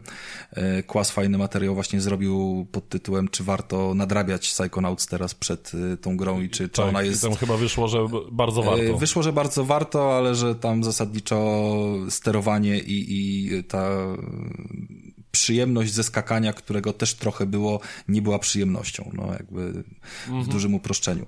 E, no i trzecią rzeczą, którą już nie do samej gry i w gruncie rzeczy nie do samego studia, a, a no jednak do Microsoftu wrzucam, to jest ilość e, języków, które dali do obsługi. Już tam pies, pies drapał tak. tą polonizację, e, pies drapał, drapał dubbing, bo uważam, że bardzo fajny jest oryginalny i po prostu, żeby chociaż kinówki tam były. I tego, no napisy, tego tekstu nie? Nie było wcale tak dużo na przestrzeni całej gry, żebym mógł traktować poważnie yy, jakby jakieś tam czyjeś o, o, oświadczenia, że gra ma bardzo dużo tekstu i by to było bardzo dużo pracy, bo to jest bzdura. I nawet jakby no jest to, jest to zdanie w pełni popierane przez yy, różne gdzieś tam osoby z branży. Yy, Rysław, który jest przecież no jakby znanym lokalizatorem i, i niejedno jakby, niejedną grę już spolszczył, też się na ten temat wypowiadał, że, że nie rozumie jakby takiej decyzji. No i to jest takie trochę właśnie taka, nie wiem, taka... Ale to jest strzelanie sobie w stopę przez Microsoft po prostu, bo oni sobie w tym momencie odcinają potencjalny, odcinają dostęp do gry potencjalnym odbiorcom, jakby już pomijam fakt, e, czy wiesz, no, tam, tam jest, no, jakby, tam jest, ta, tam jest klasyczne gra... sześć języków chyba, czy siedem, te, które po prostu się zwykle pojawiają, tak? Czyli tam niemiecki, tak. hiszpański, francuski plus, plus yy, yy, rosyjski, angielski, no nie wiem, nie sprawdziłem Chiński, wszystkich, ale, ale no zasadniczo to jest yy, trochę w topa. Bardzo by się te napisy Tak przydały. i w ogóle ciekawą sytuacją jest to, że ta gra w Microsoft Store ma ocenę 3,5 stary, gdzie to jest po prostu dla mnie w ogóle absolutny szok, bo 28% ocen to jest ocena 1 na 5 gwiazdek. Wiesz, żeby, to były, żeby to były oceny jeszcze w tym, żeby to były jeszcze oceny bezpośrednio na jakimś Open Criticu czy, czy coś, to bym stwierdził, że wiesz, y, niebiescy fanboje bombardują dobrą grę, żeby po prostu, no wiadomo, tak. A tymczasem bombardują, ją bombardują którzy się nie nauczyli języka klienci, nigdy, nie? Tak. Dokładnie, więc y, to jest tak, bardzo zła decyzja. A jeśli chodzi o moje takie przypierdalanko, żeby też Tomek mi nie zarzucał, że jestem rozentuzjazmowanym recenzentem, to tam parę, parę pierdół znalazłem w tej grze, więc trochę się przypierdolę do walki na przykład, z którą miałem trochę problem, bo o ile w większości gier, nawet jak walka jest jakaś tam szybka, chaotyczna, czy w jakiś sposób utrudniona, to jestem w stanie się do tego przyzwyczaić i jakoś z biegiem gry ta krzywa uczenia jakoś yy, rośnie, że ja przestaję dostawać tyle obrażeń w tych walkach. Natomiast tutaj do, do tego momentu, w którym jestem, miewam z tą walką problemy, bo jest chaotyczna i taka średnio intuicyjna. Są trochę mm, dziwne decyzje, gdzie na przykład. Czy to może, uniku... co, może o samej walce warto powiedzieć, yy, jak ona jest skonstruowana, bo to jest też yy, jakby ciekawy motyw, że poznajemy po drodze yy, wrogów kolejnych, nie? I to są wrogowie, y, których. Y, różne problemy psychiczne. Różne problemy psychiczne, tak? To jest jakby cały tam jakiś, wiesz, fabularnie aspekt, y, takie wizualizacje tych problemów psychicznych, nie? Natomiast chodzi o to, że na każdego z nich inna umiejętność jest wskazana jako właściwa a my do wyboru mamy cztery na, na, na krzyżaku na szybkim wybieraniu. Tak, i właśnie o tym chciałem powiedzieć, że przeskakiwanie pomiędzy tymi umiejętnościami w trakcie walki bywa bardzo kłopotliwe, bo tak naprawdę są trzy umiejętności, powiedzmy, których się używa prawie cały czas, typu lewitacja, telekineza i, i, i, i coś tam jeszcze. I wiem, że ja miałem problem z tym, że mi tak naprawdę pod wszystkie pozostałe umiejętności, a ich jest chyba 9 albo 10. Masz jeszcze strzelanie, e... masz jeszcze spalanie, no właśnie. czyli piro, piro I, I zostaje, i wtedy y, pod wszystkie pozostałe umiejętności zostaje ci tak naprawdę jeden przycisk, którym musisz cały czas żonglować i podpisywać pod niego inne umiejętności. I, I to jest trochę dla mnie problematyczne. Przede wszystkim dlatego, że podpisujesz je pod y, przyciski tam RBLB i RTLT, więc y, też się musisz jakby głupio z takiego przycisku, który jest właśnie telekinezą oraz y, lewitacją, czyli tak naprawdę twoim bieganiem, bo kiedy lewitację na ziemi mhm. robisz, to wskakujesz na kulkę to, i sobie biegasz. Kulce. Tak, Więc tak, tak. Y, bieganie i załóżmy strzelanie, tak, y, twoje dwie umiejętności, no chcesz mieć zawsze pod tymi samymi przyciskami, bo to się pamięć mięśniowa wyrabia, nie? Więc jest Dokładnie. tak jak mówisz, korzystasz sobie, ja zawsze miałem to pod y, lewą dłonią, żeby mi się ona przyzwyczaiła, że tam zawsze mam y, szybki strzał i szybkie coś, a z prawej sobie zmieniałem, natomiast zawsze się myliłem, co tam właśnie jest zrobione, a w późniejszych etapach y, i wydaje mi się, że tam na końcu naprawdę bywa z tym gorąco. Y, z tak, tego, no jest co... po, po, kilka rodzajów pamiętam. przeciwników. Oczywiście. Swoją drogą warto wspomnieć o przeciwnikach y, właśnie, że to są te problemy psychiczne na przykład w postaci złego nastroju, ataku paniki, albo cenzorów, którzy wykluczają niepasujące myśli, albo yy, Sędzia jest fajny, wyrzutów os sumienia, czy, y, tak, tak, judgment, dokładnie. Judgment, czyli osądzanie. I, I, tutaj na przykład telekinezę musisz y, sobie chwycić, bo on cię tym ma wielki młotek taki sędziowski. Jakby, można mu go wyrwać. Można mu go wyrwać, no ale jakby jak tego nie zrobisz, to, to, to jest problem, nie? No i Dokładnie. A swoją drogą jeszcze fajne są yy, na przykład bagaże emocjonalne, które mnie po prostu zawsze rozbrajały, tak. gdzie w, w, każdej głowie mamy do uporządkowania, dosłownie tam, bardzo mi się podobały te dosłowne, dosłowne potraktowania pewnych rzeczy, że to jest emotional baggage, which e, needs to be sorted out, nie? i musimy znaleźć metkę od tego bagażu, żeby go uporządkować, a bagaż emocjonalny jest w postaci takiej znajdźki, że możemy go usłyszeć, że słyszymy na przykład jak ktoś wyje, gdyż gdzieś po prostu na poziomie słyszymy jak on wyje, przychodzimy i widzimy, że to jest po prostu smutny, płaczący bagaż emocjonalny. Typu, typu torba albo walizka z oczami, no jakby... Tak, tak, walizka z oczami. No tak, no ale to są, to są jakby typowe znajdźki. W każdym razie z walką był ten problem. Na szczęście ich nie było dużo, ale no po prostu jeżeli mamy postacie wrażliwe na ogień, to one giną po jednym, po dwóch strzałach, jeżeli mamy pirokinezę, tak? I jeżeli będziemy chcieli wszystkich tą pirokinezą zabić, to nie uda się, bo pozostałe są na nią prawie niewrażliwe albo bardzo mało im to obrażeń zawiera, więc jest ta lawiracja między tymi yy, umiejętnościami. Być może my też jakiegoś nie potrafimy tam trójkąta używać czy czegoś, żeby zmieniać te umiejętności, ale... może tak być ale wydaje mi się, że jednak po prostu tutaj nie dało się tego zrobić lepiej. Nie wiem, jak to było w pierwszej części. Może, może ty coś pamiętasz jakby w kwestii rozwiązań, bo tych umiejętności też tam było trochę. Y, tam ta walka też była chaotyczna, z tego co pamiętam. I ja tam też raczej jakby tę walkę w obu tych grach traktuję jako takie pójście do pracy, nie? Że to jest coś, co trzeba odbębnić po prostu, żeby dalej się bawić wspaniałą grą. I tak, to jest jedna rzecz, właśnie ta walka. Mm, tak, no było parę pierdół, jakby yy, takich gliczy. Jakoś nie napotkałem nic, co by mi zepsuło grę, że musiałbym wczytywać czy coś. Było parę gliczy w stylu, nie wiem, jakiejś niepokojąco dygocącej łódki, kiedy na nią wskoczyłem i ją pływałem. Raczej, jeżeli albo... chodzi o takie rzeczy, to, to jeszcze mo można powiedzieć o tej eksploracji, że no nie ma żadnego jasnego oznaczenia, gdzie można wejść, a gdzie nie można wejść. Ta, tak, I... też chciałem powiedzieć, że gra ma problem z oznaczeniem tego, której krawędzi na przykład możesz się złapać, a której nie. I to jest jakby, no z jednej strony spoko, bo ja cholernie nie lubię, wiecie, krawędzi malowanych na żółto albo jakichś tam innych oznaczeń typu, że mhm. wiszą liny, albo tak jak w Mafii graliśmy, każdy płot, przez który możesz przeskoczyć ma przewieszony koc albo damskie gacie wielkie i, i wtedy tak. możesz sobie przeskoczyć przez płot, bo jak nie, nie wiszą gacie, to nie możesz przeskoczyć przez płot. Y, Może to mi lubił wąchać gacie. Natomiast tutaj, y, tutaj tego nie ma, ale ale to też nawet nie chodzi o krawędzie, tylko chodzi po prostu o wykorzystanie jakiejś platformy, żeby się gdzieś dostać, tak? I... Tak, i nieraz właśnie się okazywało, że nagle się ześlizgujesz z tej platformy. No, nie? tak było i powiem więcej. Był jeden, jeden taki moment eksploatacyjny, chciałem sobie taką tą miejscówkę leśną, ten obóz taki leśny, mm, mhm, wyczyścić. No, no, no. Y, Questionable area to jest. Tak się nazywało i tam tam był taki moment e, z wykorzystaniem, z dostaniem się na górę jeziora, e, na górę wodospadu. A wodospad był taki zajebisty, bo po nim e, pod prąd w górę płynęły... Wodospad płynął do wodospad góry. płynął do góry i, i jakby materializowały się takie kloce drewna, po których, które też płynęły do góry ja próbowałem, jakby, no, tak przyszedł mi do głowy taki pomysł, że skoro one lecą do góry, to może sobie wskoczę na, na niego.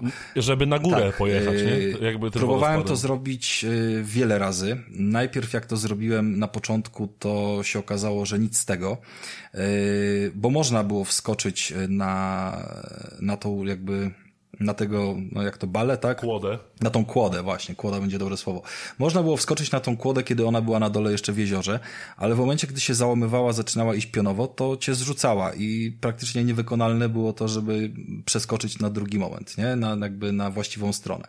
Więc porzuciłem ten pomysł, przeszedłem sporo dalej w grze, zdobyłem jakąś umiejętność, która się wydała idealnym zastosowaczem do, do właśnie tego typu sytuacji, mm -hmm. bo był spowalniacz Zgadza czasu, się. tak? Celujesz spowalniaczem i nagle kłoda się zatrzymuje w miejscu. No jakby fajna mechanika, też y, jakby w platformówkach się pojawiała już nieraz, y, więc poszedłem drugi raz z tą kłodą, żeby ją spowolnić. Dalej się nic nie udało zrobić. I dopiero za trzecim podejściem jakby tak całkowicie y, od dupy Okazało strony, się, że trzeba wskoczyć w wodospad, a nie na wodospad, na górę. Okaz najpierw się musiało okazać, że musiałem jeszcze z innej platformy wskoczyć i wskakiwać, kiedy już kłoda do góry zapierdalała. To, to był jakby mhm. pierwszy problem, który trzeba było rozwiązać. A kiedy już ta kłoda do góry kilka razy cię wyniosła i nie wiedziałeś o co chodzi, to wychodziło, że tam była jaskinia za wodospadem, a nie yy, na szczycie jakiś tam element, więc to, ale to, to już jakby kwestia spostrzegawczości, no ale jakby nie było wiadomo, z którego miejsca nawet tam wskoczyć, nie? I to takich rzeczy było kilka, na których się można było mm, mhm. zablokować, bo powiedzmy nie były one w żaden sposób wytłumaczone, pokazane, po prostu, o na razie chyba nie mogę tam wejść, albo to wygląda jakby na razie nie działało, no jakby, wiesz, i, i nie wiesz, co masz robić, tak, czy tak, tak chcesz... Problemy z oznaczeniem trochę. A fajnie jest czasami, no ja sobie lubię dokoksić postać, yy, choćby właśnie tymi umiejętnościami, yy, czy poziomem postaci, bo te umiejętności, które zdobywamy, yy, mają swoje levele, tam chyba trzy albo cztery i właśnie za zdobywanie całego mhm. gówna możemy je ulepszać, a po, po ulepszeniach one są oczywiście mocniejsze i ułatwiają chociażby walkę, czy, czy coś w tym stylu, więc no chce się to robić i ja nie lubię tego robić po przejściu gry, tylko lubię to robić w trakcie, więc yy, dobrze jest, kiedy jest to czytelnie przedstawione. No ale, ale poza tym jakby nie było tak naprawdę nic takiego, co by tą rozgrywkę yy, zepsuło i ja w gruncie rzeczy po dwóch turach z tą grą, jakichś tam krótkich, dwugodzinnych, yy, to jak do niej przysiadłem, to, to ją skończyłem jednego dnia. Miałem wolny dzień i chyba 15 godzin grałem koło, dwu, koło 20 mi zajęła cała gra właśnie z takim założeniem dosyć, yy, może nie maksowania, ale uzbierania no, znacznej większości. No. Tak, tak, tak. No jeszcze co jedna taka rzecz, to czasami to takie niespecjalnie upierdliwe jest, natomiast e, zdarzyło mi się parę e, wesołych samobójstw mojego bohatera, że tak powiem, bo e, momentami problem miałem z tym, że postać nie do końca robiła to, co chciałem, żeby zrobiła. Mm, ogólnie jest bardzo responsywne i przyjemne to sterowanie, ale w takich losowych momentach czasem miałem problem, nie wiem, że y, przelatywałem niemalże przez powiedzmy drążek albo linkę, której się chciałem złapać, a mój bohater z niewiadomych powodów się tej linki nie łapał.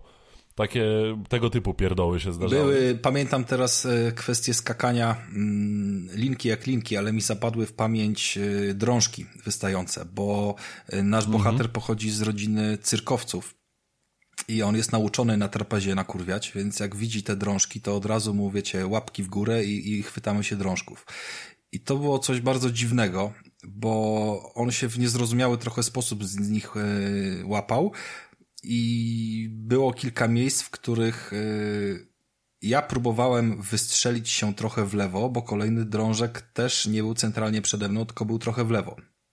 Ale kiedy próbowałem to -hmm. zrobić, wystrzelenie w lewo, to on w ogóle odskakiwał mi o 90 stopni w lewo, bo, tak, bo nie przewidywał takiego ruchu. wcisnąć skok. Wystarczyło nie? wcisnąć skok i gra sama go przesuwała o te 30 stopni w lewo, tak? I to było na przykład y, dziwne rozwiązanie, bo spadłem trzy razy, zanim rozkminiłem, że lepiej nie robić nic i, i on sobie sam po prostu to gdzieś tam chwyci. tak. Mm, no i te drążki chyba są najgorzej takim przy tym skakaniu zaprojektowanym elementem, nie? A to trochę, a to trochę potrafi wkurwiać, bo nasz bohater też y, ma klątwę i nie może wchodzić do wody, więc jak wskakujemy do mhm. wody, to ta woda się. go szczypie w dupę raz, drugi, po czym yy, no, po czym umieramy i się tam odradzamy. To ona mu takiego klapsa śmiesznego sprzedaje ta woda, chlast w dupsko. E, w każdym razie, no tak, to były takie, takie drobnostki, bo tak naprawdę do niczego innego w tej grze właściwie nie można się przyczepić, bo gra jest według mnie po prostu naprawdę pod wieloma względami jest po prostu arcydziełem, jest świetna. Znaczy ja, ja ją uznaję I... za tytuł obowiązkowy, po prostu żeby... Totalnie. Żeby wiedzieć, co potrafią umysły niektórych y, twórców y, stworzyć i jak Otóż gry to, się to potrafią jest... różnić od siebie, nawet jeżeli y, w domyśle na pudełku jest napisane, że to jest platformówka akcji 3D, to, to co tam tak naprawdę może być tak. skryte i takich tytułów mamy stosunkowo mało, tak? Jednak y, kolejne odsłony, zaraz Far Cry 6, Battlefield już 2042 tak. odsłona. No kolejnych generycznych gier tak naprawdę, nie? Więc y, można je potem lubić, można nie lubić, można się tam śmiać z symulatora kuriera albo z innych jakichś tam y, prób przedstawienia swoich y, wizji, ale to jest mniej więcej ten sam poziom, który właśnie doceniam w Kojimie, że ktoś poszedł po prostu swoją ścieżką i w dupie miał jakieś tam opinie innych, nie? Otóż to, dokładnie. Gierka, która po prostu hołduje kreatywności, wyobraźni i to jest taki, jak dla mnie, taki wielki środkowy palec pokazany po prostu branży przez Double Fine. Yy, branży, która, jak, tak jak wspomnieliśmy, jest dość generyczna i bezpieczna w cudzysłowie ale to jest właśnie taki środkowy palec pokazany tej branży. Patrzcie, kurwa, tak można zrobić grę. I być oryginalnym, i żeby ta gra nie była też jakby eksperymentem jakimś totalnym, tylko to jest po prostu świetna, grywalna produkcja, która jest cudownie kreatywna, piękna i ciekawa i dojrzała. Więc dla mnie must have. No i jakby wspominaliśmy też o naszym kąciku, kąciku narkomana, że tak powiem, kąciku jaracza. I stwierdziliśmy ostatnio z Rafałem, że wprowadzimy do naszego podcastu odznaczenie, którym, którym, którym będziemy odznaczać tak. gry, które są. E, tak, dokładnie. Chcemy po prostu przyznać na koniec tej recenzji jako już podsumowanie. Dla mnie ta gra to jest 9,5, 10 na 10 jakby w tych cyfrowych, w, w cyfrowych skalach. Jest rewelacja i do tego dostaje po prostu y, od bezimiennego odznaczenie złotego blanta, bo w grę się cudownie gra po zjaraniu blanta. Ale wiecie, co jest, Także y, tak. co sobie przypomniałem na koniec, kończąc tą całą recenzję, że kurwa to nie wyszło jeszcze w pudełku. Ja nie wiem, czy tam są plany, czy są konkretne jakieś zapowiedzi. O, tak. Ale wiem, że abstrahując od tego, jak zajebistą usługą jest Game Pass, to niektórzy po prostu z tego nie korzystają. Mają swoje ogromne biblioteki płyt, tak samo jak ja mam niebieskich, to swoich zielonych. I... No tak, no poza tym ja kurwa tę grę chcę mieć w pudełku. No po no. prostu, no czasami To jest tak dobra gra, że ja bym ją ja kupił. Ja też mam gry w pudełkach, które mam w cyfrze i jakby wcale mi to nie przeszkadza, więc Medium kupiłem, które gdzieś tam leży ostatnio. Po prostu to powinno mieć fajne wydanie w pudełku, no i zarówno na e, niebieskim, jak i zielonym. No po prostu tego... Już nie wspominając o tym, że aż się prosi o jakąś zajebistą kolekcjonerkę z jakąś dojebaną figurką albo z jakimiś artbookami. No, no jakby możliwości, ta gra się aż o to prosi. jest dużo, no kolekcjonerka, steelbook, whatever, tam na tym nie wiem na ile się hajs zarabia i, i po co jakby, ale wiecie, ale gdy widzę jak, nie wiem czy, bo my o tym tutaj nie gadaliśmy, nie wiem czy wy dojrzeliście yy, taki niuans w internecie, jak parę miesięcy temu była premiera yy, tego remake'a, remastera w sumie yy, Destroy All Humans. Przecież ano, była, była to, taka to była, jakaś To była gra była. Za, na 8 godzin i jakby tam nic w niej nie zmienili technicznie, po prostu był fajny remaster i nie można powiedzieć, że to dużo pracy kosztowało. W porównaniu do Psychonautsów to, to nic pracy nie kosztowało, tak? Yy, zrobienie tej gry. Fajnie się w to grało, wyglądało przyjemnie, no i jakby koniec. A to kurwa wyszło z taką kolekcjonerką, która po prostu zawiera tyle fajnych elementów, poza ogromną figurką jeszcze bonusowych. Kosztuje kurwa z 1300 chyba złotych, ale po prostu jest sama w sobie klasą pomysłu i, i hołdem dla jakby tego, co, co ten tytuł mm, gdzieś tam sobą oferuje, jaki ma fan, jakiś tam plecak jest z kosmitą, jakaś figurka tego kosmity, no totalnie zajebiste rzeczy. I po prostu to aż się prosi o coś takiego też, żeby było, a, a niestety nie ma, no jakby może, może grono kolekcjonerów jest y, jakby tego typu gadżetów, wiadomo, że to, to nie są y, łatwe czasami do zdobycia, a przede wszystkim też tanie rzeczy. No może to jakby nie interesuje każdego, nie jest duże, ale no to nakręca też jakby cały klimat i hype. No Horizon teraz dostało zapowiedź y, dwóch kolekcjonerek z ogromnymi kurwa słoniami tymi, które były w trailerze i świeżbi mi aż, żeby po prostu jedną z nich nie zamówić, tylko i wyłącznie dlatego jestem wkurwiony, bo tam jest kluczyk do cyfry dorzucony zamiast zamiast pudełka, pudełko z grą, więc sorry, ale nie. Yy, przynajmniej na razie. E, Rafale, ja, ja tylko powiem, że sklep Microsoftu e, ten oficjalny sklep, skąd ja na przykład mam koszulę z grisami, w którym no, ostatnio no, no, no. widziałeś, no. ma też Psychonauts. Wysłałem wam na Discordzie, zobaczcie sobie, e, specjalnie macie ten. Jest naprawdę sporo rzeczy ciuchów, takich głupot.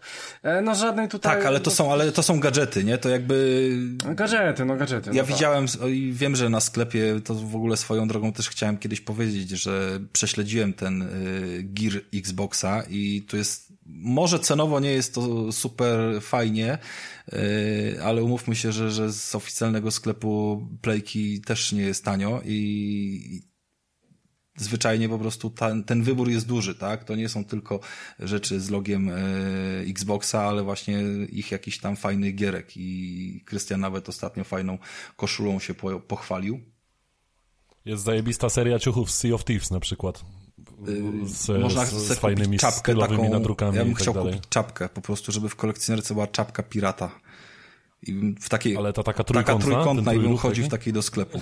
Kurwa, autentycznie. Tylko widzisz, no, brakuje jaj, a ja czuję, że tym od Psychonautsów by jaj nie zabrakło, żeby zrobić coś oddychanego i dlatego mi brakuje takich rzeczy, nie? Bo tutaj wiem, żeby poszło gro. Na chuj mi kolejna figurka, jakby, która zawiera tą samą, tak jak w Far Cry'u 6, yy, tego samego typa, wiesz, co jest na okładce, no jakby, co tam wnosi mi ta figurka do, do szczęścia, no jakby, no. fajne są rzeczy, które są nieoczywiste, po prostu. Mhm. Dobra. No tak. To Wy, wyczerpaliśmy chyba 9, temat. Tak, pół na 10 ze złotym blantem. Krystian uwag nie ma, bo to Dokładnie jest ekskluzyw tak. Xboxa, ja więc on już wcześniej wydał ocenę. Yy... Dużo wcześniej. Dużo wcześniej. E, on po, po, po tym tempie tylko, że... instalowania już wydał. Mówię, o, zajebiście e, się instaluje 9 na 10. Okej, okay, więc e, e, tak, jeszcze zauważyłem, że nie powiedzieliście o na przykład walk, walk, walk z bossami.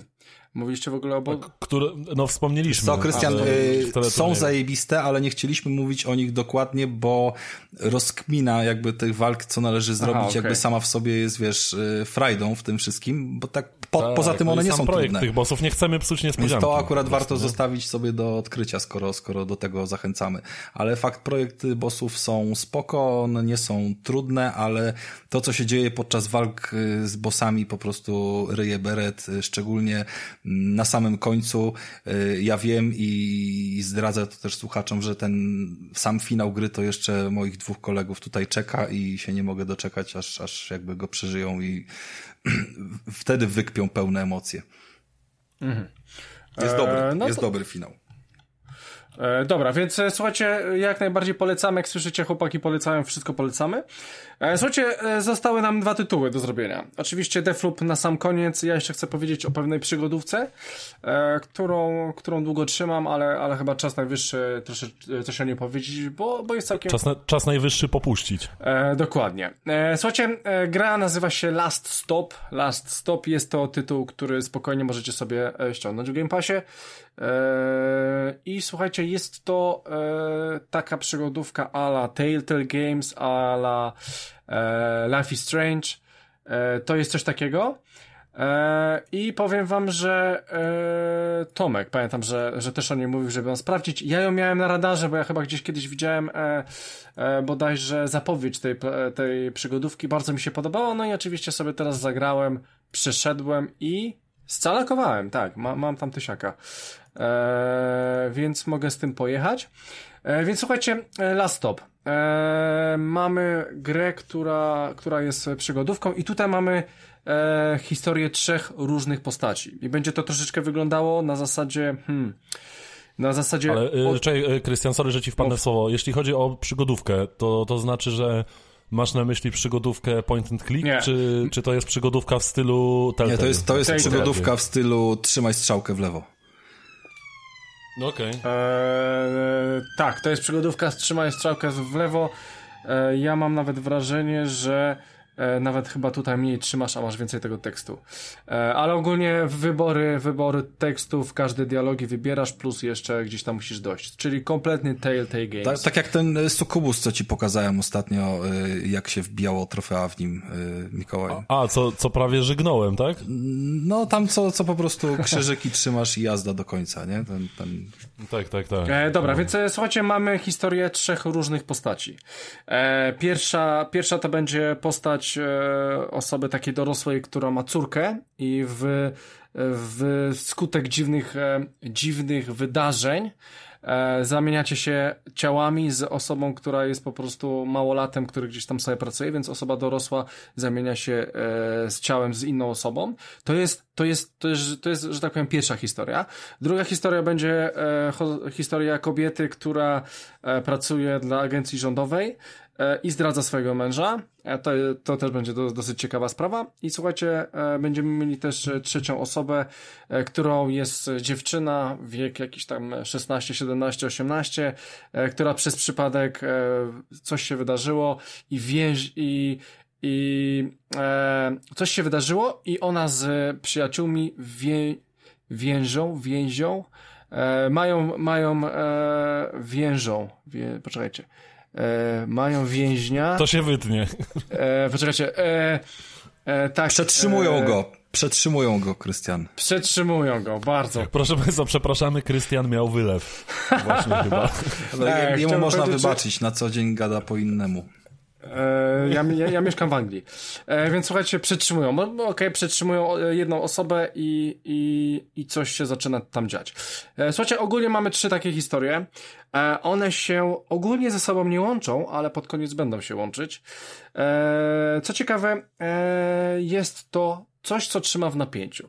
E, każda taka historia, one są podzielone na epizody, każda taka historia trwa około 15-20 minut, nawet czasami 10, w zależności jak do tego wszystkiego, wszystkiego podejdziecie i po prostu zmieniacie się co chwilę. Macie pierwszą historię tych dwóch e, osób, później przechodzicie na tą agentkę, później na końcu e, tą osobę, która przetrzymuje nam typa. I one tak ca cały czas się wymieniają, przez to macie wrażenie, że bierzecie udział w, trochę w takim serialu e, i, i ma to jakiś tam sens.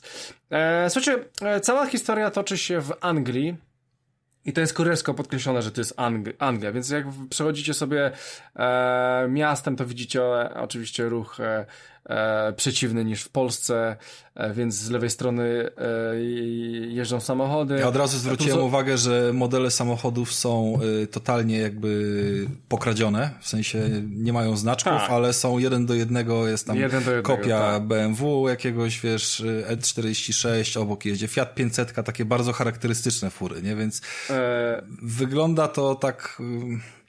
Już bym chyba wolał, żeby były po prostu, wiecie, kartonowe Tylko, że, autami. Ja wiem, Rafał, tylko trzeba brać to e, pod uwagę, że to jest po prostu coś, co jest tłem. E, I coś, co po prostu robi ci za akcję, żebyś wiedział po prostu, że jesteś w Anglii. Nie, ja, to, ja to rozumiem, ale wiesz o co chodzi? Chodzi to, o sam, to samą... nie gra samą skrzypców. No właśnie tak, ale chodzi mi o samą chujowość zagrania. No jakby żyjemy już w takich czasach, że jak chcemy wziąć modele samochodów, to albo je sobie rysujesz na kartce papieru, albo płacisz za to, a nie pobierasz model z internetu, nie? No bo to mniej więcej tak wygląda, że masz... Na zasadzie wyblurowania znaczków. Dokładnie, bo one są nie? tam, kolorystyka jest taka nieoczywista, jakby wypłaszczona, trochę animowana, więc y, te samochody nie wyglądają tak, jakby było zdjęcie ich wklejone, nie? Wiecie, z Forzy czy Gran Turismo, ale to jest model no jeden do jednego Fiata 500, nawet nie imitacja typu, nie wiem, wiecie, jak w GTA robią. I to, to tak poczułem się trochę, kurde, mm, że się na dzień dobry zachowali chujowo tam wobec kogoś. No ale w gruncie rzeczy ja wiem, że to jest tło i tylko, że to jest tło, które jest czyjeś. To nie jest yy, panorama Londynu, która jest dobrem, wiesz, narodowym, bo budynki wyglądają tak, jak wyglądają i od razu wiemy, że jesteśmy w danym mieście, tylko, tylko to są jakieś konkretne auta, nie? No nieważne, dobra. Eee, tak, i słuchajcie, e, dodatkowo e, ja mieszkam w Anglii, więc widzę to wszystko, więc, więc jeżeli widzę na stole mleko, to już wiemy, jakie mleko mniej więcej chodzi. Widzę płatki, no właśnie, wiem, o co chodzi. takie rzeczy chodzi nie zwracam tych... uwagi, ale poza samochodem samochodami widać, że poszli grubiej po prostu, nie? Tak, tak, tak. Słuchajcie, no po prostu ja będąc w Anglii widzę to wszystko i widzę jak to wszystko ocieka, plus jeszcze dochodzi dubbing, który jest typowo angielski, brytyjski, e, plus po prostu całe to otoczenie. Dzieci chodzą w mundurkach, tak, w Polsce się nie chodzi, w Anglii się chodzi. A to ja mam pytanie, e... czy, czy, w tej grze można wbić na zakupy do Morrisona? Nie, bo tam nie trzymasz wbić... tylko strzałkę w prawo, więc tam tak, nie możesz więc... wbić do Morrisona, bo po prostu jak ją puścisz, to postać się zatrzyma, jak naciśniesz. To tak jakbyś Netflixa oglądał, tylko musisz trzymać na pilocie guzik. No. I, I też proszę, proszę, proszę mnie nie pytać o takie pytania, czy jest paliwo w sklepach, bo nie możesz zatankować w tej grze samochodu, więc nie. Nie, ale ta gra, ta gra miała premierę, kiedy było paliwo w sklepach. No w sumie tak, w sumie tak, ale może jest jakaś aktualizacja, że po prostu już ich nie ma, nie wiem. E, I samochody nie jeżdżą. E, a w ogóle powiem wam później o tym paliwie, bo, bo coś, e, coś jest ciekawego w Angame. E, słuchajcie, więc e, ogólnie po prostu ta gra ocieka klimatem e, ang angielskim. Nawet bym powiedział, że typowo e, Londynu, dużego miasta, e, bo tam e, ma, mamy takie nawiązania i widać po tej nawet całej architekturze, że raczej jest to w tą stronę, co mi oczywiście bardzo, bardzo gra, bardzo pyka, bo ja lubię ten klimat, no czuję się jak w domu, nie? Więc e, super mi się w to gra. E, I słuchajcie, jak już Rafał mówił o tej grafice, no to grafika jest taka w miarę prosta, jak, e, jak wam po, powiedział Rafał, że nie ma tam e, elementów otoczenia, e, nie, nie, w sensie, że nie ma tych znaczków i tak dalej, ale widać, że to jest Anglia, widać te puby, widać to wszystko. Plus bardzo często jest tak, że te tło, po którym się porusza nasz główny bohater w danej historii, po prostu tylko jest. I bardzo często jest tak, że na przykład postacie, które są obok gdzieś, nie mają twarzy. Więc one po prostu są, one nie mają twarzy. I to nie jest dziwne, tam Tomek wysyła mi, ej, Krystian, u Ciebie też te postaci nie mają twarzy? No nie mają twarzy. One nie muszą być twarzy, one po prostu robią... Z... To jest de decyzja typowo stylistyczna. Tak, to jest, to jest, to jest e, decyzja typowo stylistyczna i po prostu tak miało być. E, więc czasami faktycznie może się zdarzyć sytuacja, że e, no, że, że postacie obok nie mają twarzy. E, słuchajcie, e, jeszcze tak, e, więc tak... E, powiem wam troszeczkę też o tej fabule. E, na ogół ta gra mocno wciąga, szczególnie na początku, bo ma bardzo, waż, e, bardzo niski poziom wejścia w siebie, bo w tej grze się od razu coś dzieje, E, dialogi są proste, proste jak konstrukcja cepa, po prostu są banalne, nie są Wydawa, wydaje mi się, że w tej w gry w State, w State czy nawet Life is Strange ma bardziej skomplikowany ten dialog. Tu po prostu wszystko jest proste. Jest czarne i białe i po prostu tak ma być. E, nie jest przegadane zbytnio. Jest po prostu prosto napisana fabuła. Dobra fabuła, ale bardzo, bardzo pro, prostym, potocznym językiem. E, więc e, przez to bardzo łatwo się w to gra, nie trzeba za bardzo myśleć, po prostu naciskamy ABC, e, w sensie wybieramy wiadomość, która nas interesuje, przez, prze, przez co po prostu łatwo jest wejść w ten świat i go troszeczkę poczuć i szybko się przez niego przechodzi. Eee, mi ogólnie chyba to zajęło około 8 godzin, bo ja jeszcze tam calokowałem i tak dalej, ale gra jakaś tam długa nie jest, później troszeczkę troszeczkę trzeba porozkminiać, ale ogólnie tak jest. E, słuchajcie, będąc jeszcze przy tej grafice, poza tym, że mamy po prostu różne ruchy kamery i nasza postać się porusza, e, ciekawą opcją jest to, że czasami mamy kamerę z boku, Czyli tak jakbyśmy grali w jakąś grę w 2D, czyli w prawo, w lewo i, i tutaj też są czasami takie ujęcia kamery, co jest bardzo fajne. E, plus jeszcze e, bardzo mi się podobało e, kamera z oczu, bo czasami też ona występuje i po prostu coś, coś trzeba zrobić, kiedy macie po prostu ją, e, e, kiedy macie po prostu kamerę z oczu, to chyba dopiero pod koniec gry. Ale e, twórcy bawią się, bawią się takimi rzeczami i mi się to naprawdę bardzo, bardzo, bardzo podoba. Powiem wam tak, że e, na początku jest tak, że jest sobie metro. W metrze e, prawdopodobnie londyńskim. Siedzą sobie trzy osoby, trzech naszych głównych bohaterów z trzech różnych historii. Wy wybieracie e, daną, e, daną postać, którą chcecie robić teraz misję i na przykład macie The Next Station i Piccadilly Circle i ta postać wychodzi e, z tego metra i robicie przygodę, więc to też jest takie fajne wprowadzenie w to wszystko i tak się dzieje zawsze przed misją. Później zostają tylko dwie osoby w tym metrze, później jedna, później robicie tą jedną i później znowu trzy wracają, bo one robią razem jakiś tam e, element misji. E, słuchajcie, bardzo fajną też opcją jest, że na przykład robicie misję jedną osobą, e, przechodzicie na przykład z punktu A do punktu B, przez obok jest przystanek autobusowy i na tym przystanku autobusowym jest postać, w którą gracie w innej misji. Więc te postaci w trakcie gry się po prostu fajnie e, przenikają między sobą i to jest, i to jest, i to jest zajebiste. Można e, zobaczyć sobie właśnie takie smaczki w tej grze, że o kurczę, ta, ta postać e, to jest ta z mojej gry, tylko że to jest inna postać, więc, więc to jest super, to mi się bardzo podobało, że po prostu one mieszkają w tym samym mieście i po prostu się jakoś tam mniej lub bardziej mijają. E, więc tak, e, co jeszcze mogę powiedzieć o tej grze? No, że, że mało jest tej gry, tej gry w tej grze, bo w sumie wszystko, wszystko jest praktycznie robione z automatu. E, na pewno tutaj jest to dobrze wyreżyserowane, akcja się dzieje, macie e, poczucie, że cały czas się coś dzieje, dlatego chcecie bardziej wchodzić w ten, e, w tą, w tą grę cały czas. E, no tak jak powiedziałem, no bardzo mi się podobał e, e, voice acting i cała ta muzyka tego, tego miasta. Jest to zrobione na genialnym poziomie. I, I co mogę jeszcze powiedzieć? Nie wiem, jeżeli ktoś gra to na, na PC, to, to na pewno to ma bardzo słabe wymagania sprzętowe, bardzo niskie. I co jeszcze mogę powiedzieć? Podobno te, te rzeczy, które e, wybieracie w trakcie tej gry, będziecie podejmować decyzje, nie mają zbyt dużego wpływu na fabułę. Podobno. Ja o tym nie wiem, e, ponieważ nie grałem, ale, ale, ale faktycznie no czasami są takie pytania, czy odpowiedzi, Jak to że... nie grałeś, kurwa? Jak to nie grałeś? No nie grałem dwa razy na przykład, nie? Żeby sprawdzić to, czy, A, czy faktycznie... No, no właśnie. Nie, nie, nie, nie, spokojnie. Opo opowiadasz o grze i nagle mówisz, ja nie wiem, ponieważ nie grałem. Nie, nie, nie, spoko. E, jedyne, co zauważyłem, że e, achievementy e, zmuszają mnie, żebym robił jakieś dziwne rzeczy. I te dziwne rzeczy robię w sytuacji, w której po prostu muszę, muszę coś zrobić. E, że na przykład e, znam pewien sekret, ogólnie w grze nie powiedziałem innej osobie o tym sekrecie, achievement wymusza, żebym jej powiedział, powiedziałem ten sekret, ale nie widzę, żeby on miał jakikolwiek wpływ później na, na coś takiego, poza tym, że po prostu achievement mi wpadł.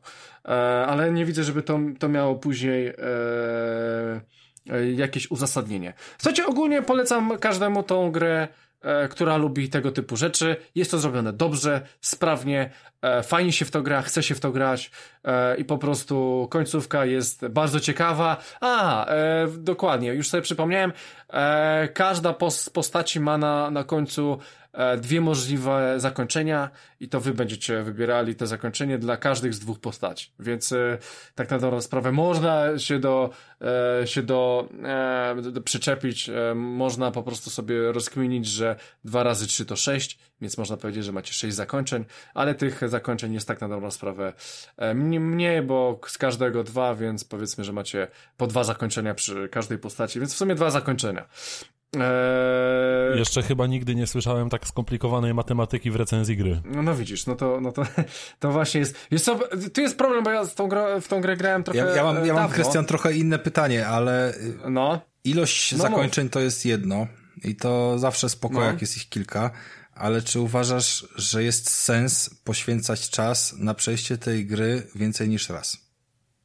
Nie, wydaje mi się, że nie. Nie, wyda wydaje mi się, że refalenie chyba, że można sobie, bo nie, kompletnie nie. Wydaje mi się, że jeżeli będziesz miał taką daną postać i będziesz po prostu z nią sobie grał i padnie to ostateczne pytanie, co chcesz zrobić, to wydaje mi się, że już wiesz, jaka jest ta postać i raczej będziesz szedł w jedną stronę. Może będzie cię interesowała ta druga strona, ale wydaje mi się, że zrobisz to w jedną stronę i, i powinno być ok. Eee, więc nie, wydaje mi się, że raz wystarczy. No mówię, ja jeszcze sobie przymaksowałem troszeczkę te. No więc te e, słuchajcie, gra ma jedno zakończenie odpowiednie dla waszego stylu gry. Cała zajmuje dwie godziny. Nie, to na pewno nie. Nie, cztery. Na tam, tam czytałem, że cztery, cztery i Więcej. Pół. Więcej nawet. Ja, mi, mi to troszeczkę zajęło. Eee, wydaje Może mi się, źle trzymałeś Może ci się pat rozładował, jak go przycisnąłeś nie, kamieniem. Nie, nie, nie, wydaje mi się, że od 6 do 8 godzin. Eee, bardziej w to bym uderzał. No w każdym razie na pewno to Zresztą, nie jest y, tytuł plus no 10, no whatever. No nie, nie, to na pewno nie. No nie, jeżeli tam nie ma jakichś większych y, zabawek gameplayowych lub ewentualnie opcji y, wczytania ostatniego rozdziału, żeby po prostu w ten sposób obejrzeć zakończenia, no to ja na pewno mi się nie bawił tyle, jakby za, za, za mało czasu jest. Eee, na, powiem wam, na złe rzeczy, gdy są dobre rzeczy. E, tak, ale nie, to jest, to jest taka historia, którą naprawdę polecam każdemu sprawdzić, bo będzie się przy tym dobrze bawił. Naprawdę będzie się przy tym dobrze bawił, bo mówię, to jest zrobione e, łopatologicznie, przyjemnie i po prostu coś się dzieje. Więc włączacie dobry film akcji i naprawdę fajnie się w to gra, bez po prostu żadnej głębi, bez niczego takiego, bez, bez, no czasami macie takie decyzje, niektóre robicie, chcecie robić inaczej i właśnie to też mi się do końca nie podoba, że czasami chcę zrobić coś innego, ale no niestety muszę zrobić to, co chcę zrobić gra. Czyli żeby nie ja było, ta, ta fabuła też potrafi wciągać, tak? Bo, bo tam jest trochę takich nieoczywistych rzeczy. Ja też w to trochę, trochę grałem. A, a właśnie, bo się chciałem zapytać, czy Rafał, ty to ograłeś, bo... Nie ograłem, ale, ja nie miałem ale trochę, okazji. trochę w to grałem i pamiętam, że pierwsza scena, no jakby zero spoilerów, bo to, to, to banał, jakby sam początek, yy, był taki, że gdzieś tam sobie yy, dwójka młodych znajomych y, coś zrobiła, przez co yy, uciekała przed y, ochroną. Gdzieś tam na metrze czy coś. No i jak sobie uciekali przed tą ochroną czy policją za jakieś wygłupy, y, to sobie wbiegli w jakiś tunel y, w stacji metra i potem przez serwisowe jakieś tam, wiecie, schodki, coś tam, coś tam. No i dobiegają do końca takich drzwi, a od tyłu już są doganiani przez tych policjantów, któremu tam, nie wiem, chyba czapkę jeden zajebał, nieważne. I wygląda to właśnie całkowicie normalnie, po czym y, jedna z nich otwiera drzwi i widzi, że kurwa za tymi drzwiami jest jakiś portal i jedna z tych, jeden z tych dzieciaków przechodzi przez ten portal, a drugi się boi i drzwi się zamykają i potem za nim jest już tylko ściana, nie? Więc już na początku jest jakiś mindfuck, który stwierdza, okej, okay, z takimi pomysłami, nawet jak tutaj nie ma za wiele rozgrywki takiej typowej, to, to warto zobaczyć, co tam jeszcze jest do zaoferowania. I więc tak, jak najbardziej sama historia myślę, że, że będzie potrafiła coś, y, coś przyciągnąć ale no na raz, na raz. E, na raz, na raz, ale, ale to zawsze tego typu rzeczy. Ja w Life is też nie grałem dwa razy, czy nie wiem, czy w Telltale Games też nie grałem dwa razy, raczej gram raz w takie rzeczy. E, powiem wam, jeszcze jedną rzecz, do której mogę się przyczepić, że czasami e, odpowiedzi na niektóre pytania, to co wybierałem, były nie do końca tym, co myślałem, że będzie. I ta gra e, lubi robić w chuja, ale mam wrażenie, że mechanika ewentualnie E, może e, chciałem powiedzieć, że może tłumaczenie tej gry, bo gra jest po polsku, e, coś spowodowało, że było tak, a nie inaczej. No bo e, mówię, wybieram coś, mam wrażenie, że to jest to, bo tak jest opisane, e, wybieram to, okazuje się, że to jest zupełnie co innego i myślę sobie, what the fuck. Może powinieneś grać po angielsku, to... bo potem nie będziesz wiedział, czy więzić, czy więźnić. E, ale prostu zamek, dla, czy, dlatego więży, wychodzą. Więżyć. Wiesz, czy zamek, czy zamek. Dobra, okej. Okay, czy zamek, czy zamek, czy lewo, czy lewo, tak? e, dobra, więc e, faktem jest, że gra ma takie mm, czasami e, błędy i trzeba brać na to Ale czekaj, czekaj, ona jest po polsku, uwagę, tak? Że jest po polsku. Takie gówno jest po polsku. Tak tylko na, nawiązuje. Słyszysz Microsoft? Słyszysz to. kurwa Microsoft? I tam jest dużo więcej tekstu w tym, bo to jest no Tam jest w chuj tekstu, no tam jakby sam, no, więc, sam e, tekst. No. Tam sam tekst. E, dobra, więc ogólnie słuchajcie, Last Stop polecam. Bardzo fajny tytuł na, e, e, na, na Game Passie za darmo, na PC. Wyszło też to na PlayStation 4, więc zobaczcie sobie. Bardzo fajny, dobry, interaktywny film. E, więc polecam i myślę, Ta, że już to, teraz... To jest y, gra na złotego kwasa. Jak y, w Psychonauts był na Blanta, to tutaj masz złotego kwasa, bo nic od ciebie nie wymaga, żeby ją poznać. Nic też z niej nie zapamiętasz. Złoty karton. Ale, tak, złoty karton. Można grać w kartonie e... na głowie. E, I słuchajcie, przechodzimy do naszego tematu głównego, czyli do gry, którą grał i przeszedł Rafał. W ogóle Rafał, co ciekawe, miał ją przed premierą, nie? I to nawet sporo Rafa przed premierą miałeś. Tak, wiecie co, ostatnio w ogóle zauważyłem, że mm, na Allegro i tak samo zresztą y, tak samo zresztą teraz jest, y, gdy zbliża się wielkimi krokami premiera tego Alan Wake'a remastera, to jakieś tam za parę dni jest, nie? Y, ale już są dostępne na Allegro te Alan Wake'i, tylko z okładkami oczywiście gdzieś tam tak zwanymi europejskimi, czyli gdzieś tam, nie wiem, francuska, holenderska, może niemiecka, ktoś tam ma jakieś dojścia, parę sztuk se przywozi i je potem sprzedaje. Mm, ale to nie tak, że jeden sprzedawca, tylko tego faktycznie jest od chuja. Nie ma w tym momencie mm, opcji zakupienia Alan Wake'a z polską okładką, tylko wszystkie są zagraniczne. Natomiast ja nie za specjalnie przywiązywałem do tego uwagę, gdy zamawiałem Deathloopa. Po prostu go zamówiłem, bo było oznaczone, że wysyłka jest w dniu premiery, więc dla mnie to było jakby mm, tożsame z preorderem. No a przyszło nagle parę dni wcześniej. Co prawda wiele to nie zmieniło, no i jakby umówmy się, że, że dopiero przysiadłem do tej gry po premierze, bo, bo nie było czasu akurat i coś, coś się tam robiło innego, no ale można było gdzieś tam coś mm, zobaczyć, liznąć, poczuć. W gruncie rzeczy nie było jakiegoś też y, day one patcha, który by tam niesamowicie to tworzył. Chyba tylko serwery się tam odpalały do tej gry pseudo mm, multi jakby mm, jej, jej fragmentu, aczkolwiek to też jest tak, że na początku jakby ten cały tryb jest zablokowany i być może ja go po prostu odblokowałem już później po premierze. Mniejsza o to. Gra była przed premierą, ale Najważniejsze jest to, jaka ona jest sama w sobie i co tam Arkane y, nowego, fajnego nam przygotował. Y, czy warto to brać teraz, czy warto czekać na to, jak będzie w Game Passie i w ogóle, w ogóle kurwa, czym ten Deathloop jest? Bo słuchajcie, on był pokazywany na tylu zapowiedziach y, różnych, które Playka robiła i, i tam wpychali, zapychacze czasu gdzieś tam na konferencjach upychali, pokazywali rozgrywkę, pokazywali trailery ja ni chuja nie wiedziałem, co to jest za gra. Wręcz byłem y, nastawiony na nie i że tym się w ogóle nie zainteresuje, bo tam jakieś multi, jakiś y, y, rogalik, jakieś chuj wie co, no i, i po prostu nie chcę wychodzić ze swojej strefy komfortu. A okazało się, że jest jednak całkiem zajebiście.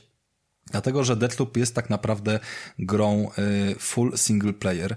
Y, jedyna opcja tego multi to jest y, kwestia do opcjonalnego włączenia i można wybrać trzy opcje, czyli grać sobie całkiem offline, grać jakby trybie otwartym na graczy obcych albo tylko na znajomych, co też dla niektórych może być ciekawie, bo wśród swoich znajomych też zawsze przyjemniej dostać w pierdol albo kogoś udupić. I Mniej więcej rozgrywka polega na tym, że budzimy się oczywiście z amnezją jak standardowy bohater y, różnych gier i zaczynamy do siebie gadać. Tutaj mamy full polonizację z dubbingiem i w gruncie rzeczy słyszymy przez całą grę tylko dwie osoby. Siebie oraz y, Julianę, która jest, y, no można powiedzieć, naszym przeciwnikiem, bo gra się zaczyna od tego, że ona nas zabija, właśnie zanim się budzimy. I to gdzieś tam pamiętamy. I ona do nas gada przez takie radyjko, które zawsze ze sobą nosimy, a my budzimy się na plaży i zaczynamy chodzić dookoła i ogarniać, co się tam wydarzyło, co się dzieje. Znajdujemy małą bazę, w której widzimy jakieś notatki, tych notatek ogólnie jest dużo, jakąś mapę, yy, rozmowa z Julianą, z Julianą i tak dalej, nas po w chwili nastawia na to, że tak naprawdę wszyscy chcą nas tutaj zajebać. No więc bierzemy gnata i idziemy też zajebać ich, no bo w gruncie rzeczy bronić się najlepiej jest agresją. Yy, i wychodząc i zabijając sobie innych ludzi, no wiadomo, od razu ich nie zabijamy, bo oni są jakoś tak, wiecie, półstawiani. My odkrywamy, że można się przed nimi pochować i że to jest czasem bardziej opłacalne niż strzelanie, ale potem znajdujemy drugiego gnata i okazuje się, że możemy trzymać dwa gnaty naraz, a co dwa gnaty to nie jeden, więc jednak, yy, może jednak pozabijamy zamiast się skradać i tak dalej, i tak dalej poznajemy sobie te tryby rozgrywki. To jest oczywiście y, mechaniczny Dishonored w dużej mierze przeniesiony, zarówno umiejętności dodatkowe, jak i y, jakieś tam elementy samego poruszania, y, czy też interfejsu bardzo mocno jakby w tym stylu mm, zachowane. Niemniej jednak ja się nie potrafiłem wciągnąć Dishonored i tam bardzo mocno było premiowane y, szukanie właściwej ścieżki do tego, żeby do kogoś się dostać od tyłu, odciągnąć go od grupy, y, zabić tak, żeby nikt nie widział, no po prostu mocno skradankowo. Deathloop nie jest skradankowy. Można go przechodzić bez skradania, można się nie napierdalać, a można się skradać tylko przez fragment, a gdy wpada gówno w wiatrak, to napierdalamy się z nimi jak z równymi, nie? Co prawda tutaj dosyć szybko można zaliczyć zgon, ale, ale właśnie, ale co się dzieje, gdy zaliczamy zgon? No budzimy się znowu na plaży. Tylko nie od razu bo mamy dwa życia. I przy każdej pętli mamy dwa życia. Jest tam oczywiście jakieś magiczne urządzenie, które za to odpowiada, że mamy te dwa życia. Mm, no i gra nas wtedy cofa o kilkadziesiąt metrów wstecz, żebyśmy się nie urodzili z powrotem w tym samym miejscu, w którym e, zostaliśmy zabici. Zwykle jest to raczej bezpieczne miejsce, te kilkadziesiąt metrów e, wcześniej, gdzie byliśmy. I wracamy, robimy kolejne podejście, tak? Dopiero jeżeli nas y, zabiją trzeci raz na jakby tym samym y, biegu, powiedzmy, tak? To, to wtedy jakby kończy się dzień dla nas i uruchamiamy sobie grę. Znaczy, gra się uruchamia od początku, od tego tam poranku na plaży. Y, to, co od samego początku spowodowało, że mm, miałem taki ogromny strach przed tą śmiercią, tak? Bo, bo jednak wiecie, trochę on zmalał, kiedy okazało się, że miałem te jakby tam dwa życia, ale były sytuacje, kiedy po pierwszym, po drugim zgonie to już w ogóle byłem obstrany, chciałem wracać do bazy albo tego typu rzeczy. A wcale nie było takiej konieczności, bo nic tak naprawdę złego się nie dzieje, gdy umrzemy. Musimy co najwyżej powtórzyć może jakiś tam fragment misji skradankowy, ale mm, kluczowe dla nas jest nie do końca to, co robimy, a to, czego się dowiadujemy i co odkrywamy. W tej grze jest od chuja notatek. Jest bardzo fajny system w menu rozbudowany odnośnie śledzenia tropów, mm, jakby podzielony na takie trzy kategorie. Jedna kategoria to są e, tropy fabularne e, i tam są takie kafelki. Przy każdej nowej informacji pokazuje nam się, tam powiedzmy tych tropów jest, nie wiem, siedem czy osiem. E, przy każdej kolejnej ważnej informacji nam się dobudowuje nowy kafelek i niejako mówi, co powinniśmy zrobić oraz kiedy. Do tego kiedy to jeszcze zaraz wrócę. Yy, ale jakby nie sposób się w tym tak naprawdę zgubić i nie sposób jakby zablokować sobie tego postępu, bo my nie tracimy już pamięci drugi raz i nawet jak zginiemy, to już się dowiedzieliśmy czegoś więcej, więc od razu biegniemy sobie trochę w inne miejsce albo w ogóle yy, gdzieś, gdzieś robimy coś innego. Mm, jeżeli chodzi natomiast o bronię i różnego rodzaju specjalne umiejętności, to również dowiadujemy się na początku gry, mm, jak je zdobywać, i o co tak naprawdę z nimi chodzi. I mamy całkiem oddzielną ścieżkę takich misji, które nam mówią, co mamy zrobić e, najprawdopodobniej, żeby zdobyć sobie dodatkowe umiejętności, które tam w tej grze też są. A tych umiejętności jest sporo, bo mm, one są znane oczywiście tym, którzy grali w Dishonored, ale, ale dla mnie na przykład były nowością. Yy, mamy oczywiście taki dosyć klasyczny, yy, może nie tyle unik, bo uniki są yy, od razu wczytane gdzieś tam w podstawowe ruchy, ale taki teleport, skok, coś w stylu, że się po prostu przenosimy do przodu, robimy takiego, mm, takiego rasza e, w ułamek sekundy na 20 metrów powiedzmy. Drugą, i oczywiście możemy to robić też w górę, więc on nam pozwala się dostawać potem na jakieś trudniejsze miejsca i tak dalej. Mm, jakąś tam kolejną umiejętnością jest na przykład połączenie wrogów yy, umysłowo strzelamy sobie takim promieniem i widzimy, że nad ich głowami tam się wyświetlają takie trzy e, niebieskie e, kreseczki, łączy ich po prostu jakaś tam e, połączenie jaźni. To się oczywiście... A to jest w ogóle, to jest to połączenie jaźni, to jest umiejętność żywcem wyjęta z Dishonored. Dokładnie, no one, one, one wszystkie praktycznie są w jakiś tam sposób skopiowane albo przerobione i to pozwala po prostu, jak sobie stoi trzech wrogów i gada i my nie jesteśmy w stanie zabić ich w taki sposób, żeby się drugi, trzeci nie zorientował, nie wszczął alarmu, to łączymy sobie tej głowy tą umiejętnością, strzelamy jednemu w głowę, umierają wszyscy trzej i jakby świat jest lepszym miejscem, nie? Yy, tyle, że poza już nie będę mówił o wszystkich umiejętnościach, które tam są, ale yy, powiem jeszcze o niewidzialności. Niewidzialność yy, w ogóle spowodowała, że przestało istnieć coś takiego jak poczucie strachu, bo mogłem tą niewidzialność włączyć w każdym momencie ona się dosyć szybko wyczerpywała, to jest też ważne, ale te umiejętności można ulepszać i nie wiem, czy to jest kwestia ograniczonej ilości tych y, umiejętności, mm, czy też ich ulepszeń, czy ja po prostu dobrze wylosowałem, ale ulepszenie do niewidzialności, jakie zdobyłem, powodowało, że ona się nie wyczerpywała, gdy stałem w miejscu. Więc y, gdy tylko się zaczynał jakiś wpierdol, to robiłem sobie, jakby wiecie, szybki odwrót w dowolne miejsce, gdzie po prostu nie widzą mnie tak y, w linii prostej, włączam niewidzialność i stoję w miejscu i już jestem bezpieczny. Mogłem cały zamek wrogów wybić, bo stałem sobie w jego drzwiach niewidzialny, czekałem aż ktoś podbiegnie, strzelałem mu w głowę i włączałem z powrotem niewidzialność, nie? I to jest trochę zepsute. To jest trochę zepsuta mechanika, aczkolwiek yy, gra nie, pozwala, nie pozwoli się zakończyć używając tak e, zepsutej mechaniki. Akurat e, przykładowo w tym miejscu, o którym mówiłem z tym zamkiem. Jakby nie popchnę fabuły dalej, nawet jak wybiję cały zamek, e, wykorzystując takiego, takiego, taką oszukańczą technikę. E, ale na co dzień jakby biegając sobie i, i trącając tych wrogów, którzy po prostu gdzieś tam wypełniają tą mapę, no to jakby chce się trochę oszukiwać, no i nie stanowi to przeszkody przy takich możliwościach. E, więc te umiejętności sobie tam zdobywamy, ale możemy nosić ze sobą tylko we dwie, więc przy każdym e, kolejnym wyjściu na miasto Musimy wybrać, które i ewentualnie co chcemy robić, co planujemy, czy będziemy y, chcieli mieć ten teleport, a czy może będziemy chcieli łączyć te głowy ich y, tą, tą energią, y, czy właśnie być niewidzialnymi, a może coś jeszcze, bo tam są jeszcze inne kilka fajnych tam rozwiązań, Z2, Z2, Z2, Z3 takie dodatkowe. Więc na szczęście nie pozwala ta gra być takim koksem, który, który by tam totalnie jakby wszystkim, wiecie, y, powyjadał te umiejętności, bo my te umiejętności zdobywamy oczywiście pokonując y, y, wrogów, takich nazwijmy to bossów na tej mapie. Mm, no i skoro jesteśmy przy tych bossach, to trochę powiem o konstrukcji jakby całego levelu.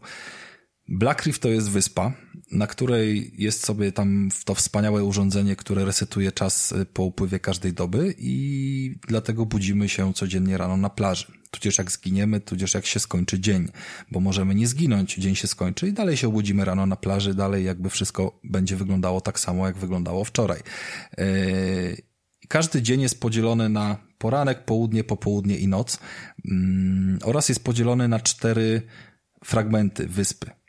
Jedno to jest miasteczko, drugie to jest port, trzecie to jest jakaś tam wybrzeże skaliste, a, a czwarta to tam jeszcze coś innego. Już, już nie pamiętam, jakie tam były nazwy, jakiś kompleks naukowy. One nie są ze sobą połączone, tylko my po prostu z naszej bazy wychodzimy w jednym z tych czterech kierunków i jak wychodzimy, to cały y, jeden fragment dnia spędzamy w tym miejscu. Tam już czas nie płynie, jakby nie ma stresu, czy my tam spędzimy godzinę czy trzy, jeżeli nam się będzie chciało mm, i sobie eksplorujemy ten fragment. I on jest inny do eksploatacji o każdej porze dnia.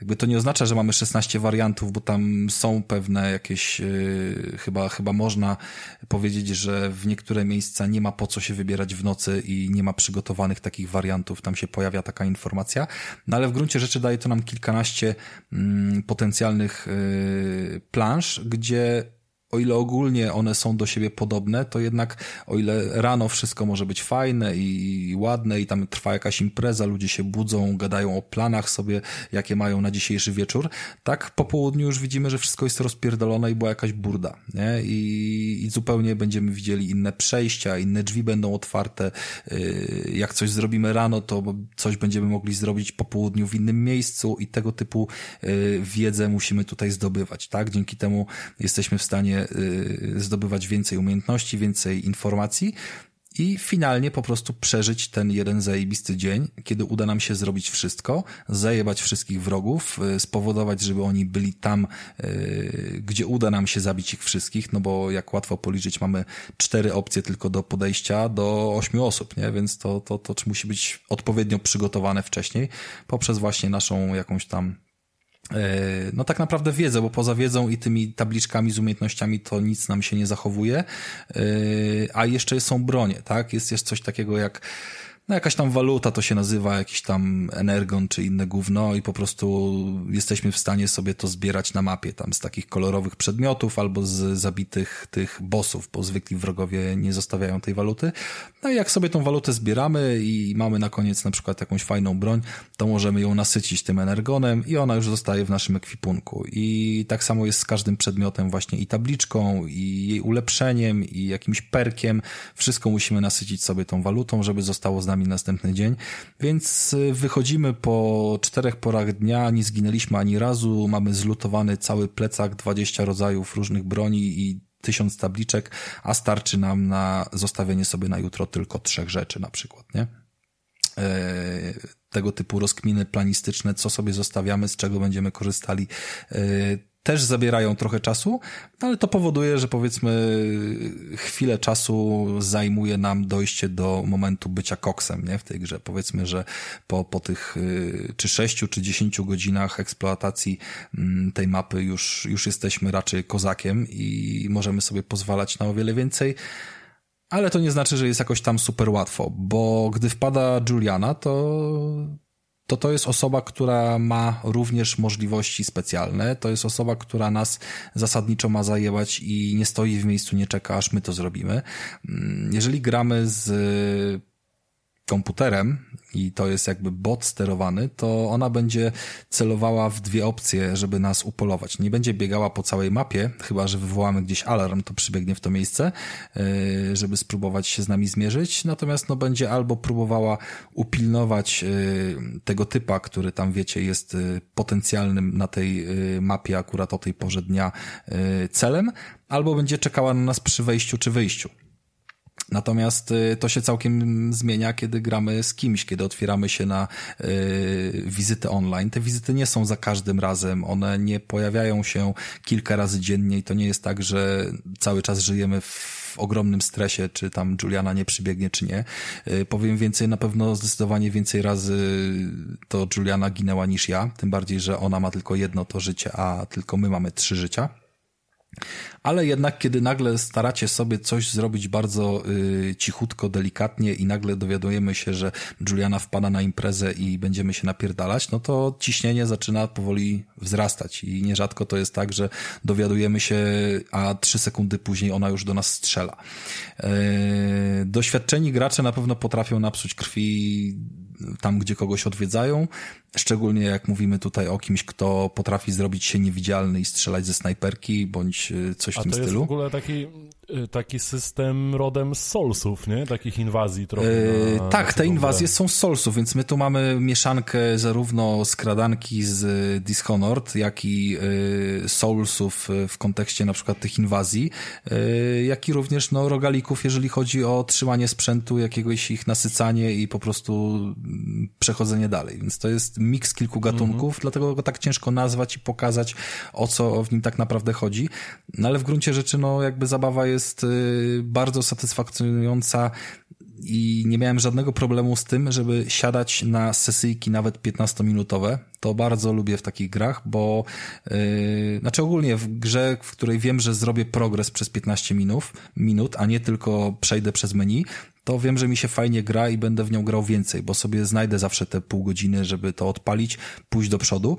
A tutaj nawet jeżeli pójdę do przodu i gdzieś y, zginę albo nie zginę, mm, to po prostu się czegoś dowiem albo coś zdobędę, co daje mi już progres, nie? I to jest zawsze wiedza, która jest przydatna, bo wystarczy czasem y, podsłuchać kogoś albo znaleźć jakąś notatkę, albo podążyć za wcześniej znanym śladem, żeby się dowiedzieć czegoś kolejnego i już jesteśmy do przodu. I dzięki temu sobie tam się przemieszczamy. Mi bardzo podobał się ten jakby motyw y, prowadzenia fabuły. Również był taki nie, nieoczywisty. Jednocześnie to nie było to nie było nudne, to nie było tak, że, że to było, wiesz, toną tekstu zalana ściana i że po prostu zbierasz tylko karteczki i musisz czytać, tylko w różny sposób to było mm, przedstawiane. A to... Czyli jakoś tam ta historia jest w miarę interesująca. Yy, tak? Wiesz co? Z zaciekawieniem śledzi. Historia jest interesująca, dlatego że cały czas jest też wypełniona dialogami twoimi z Julianą. Jakby każde praktycznie wyjście, a nie wiem, kilkadziesiąt y, na pewno ich było przez całe moje przejście gry,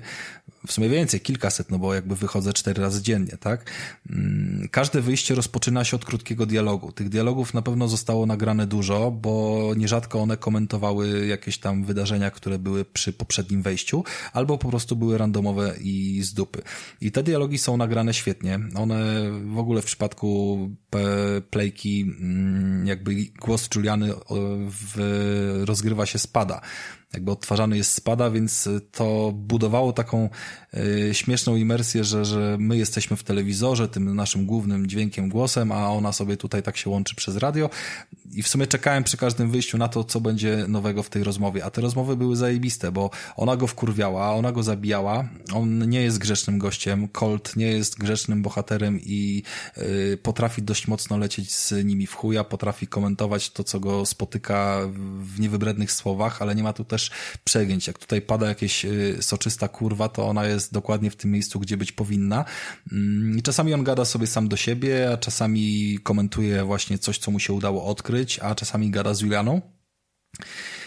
I po prostu jest w tym sporo zabawy, sporo y, dobrej roboty wykonanej na przetłumaczenie. To są naprawdę fajnie napisane dialogi. Y, nie byłbym w stanie ich tutaj dobrze przytoczyć jakby wam, ale no moment, kiedy on zdobył sobie jakiś pistolet i się cieszył z tego pistoletu jako pierwszej broni, którą sobie zostawiłem i zachowałem, wiecie, taka lepsza niż to zardzewiałe gówno, co mam na początek, to zaczął sobie chodzić i mówić, jak nazwie ten pistolet, a może tak, a może inaczej, po prostu jakieś takie naprawdę fajne teksty padały i mnóstwo było sytuacji, w których po prostu miałem bekę na początku levelu, nastrajało mnie po prostu to do tego, żeby wyjść i tam komuś yy, spuścić w pierdol, no.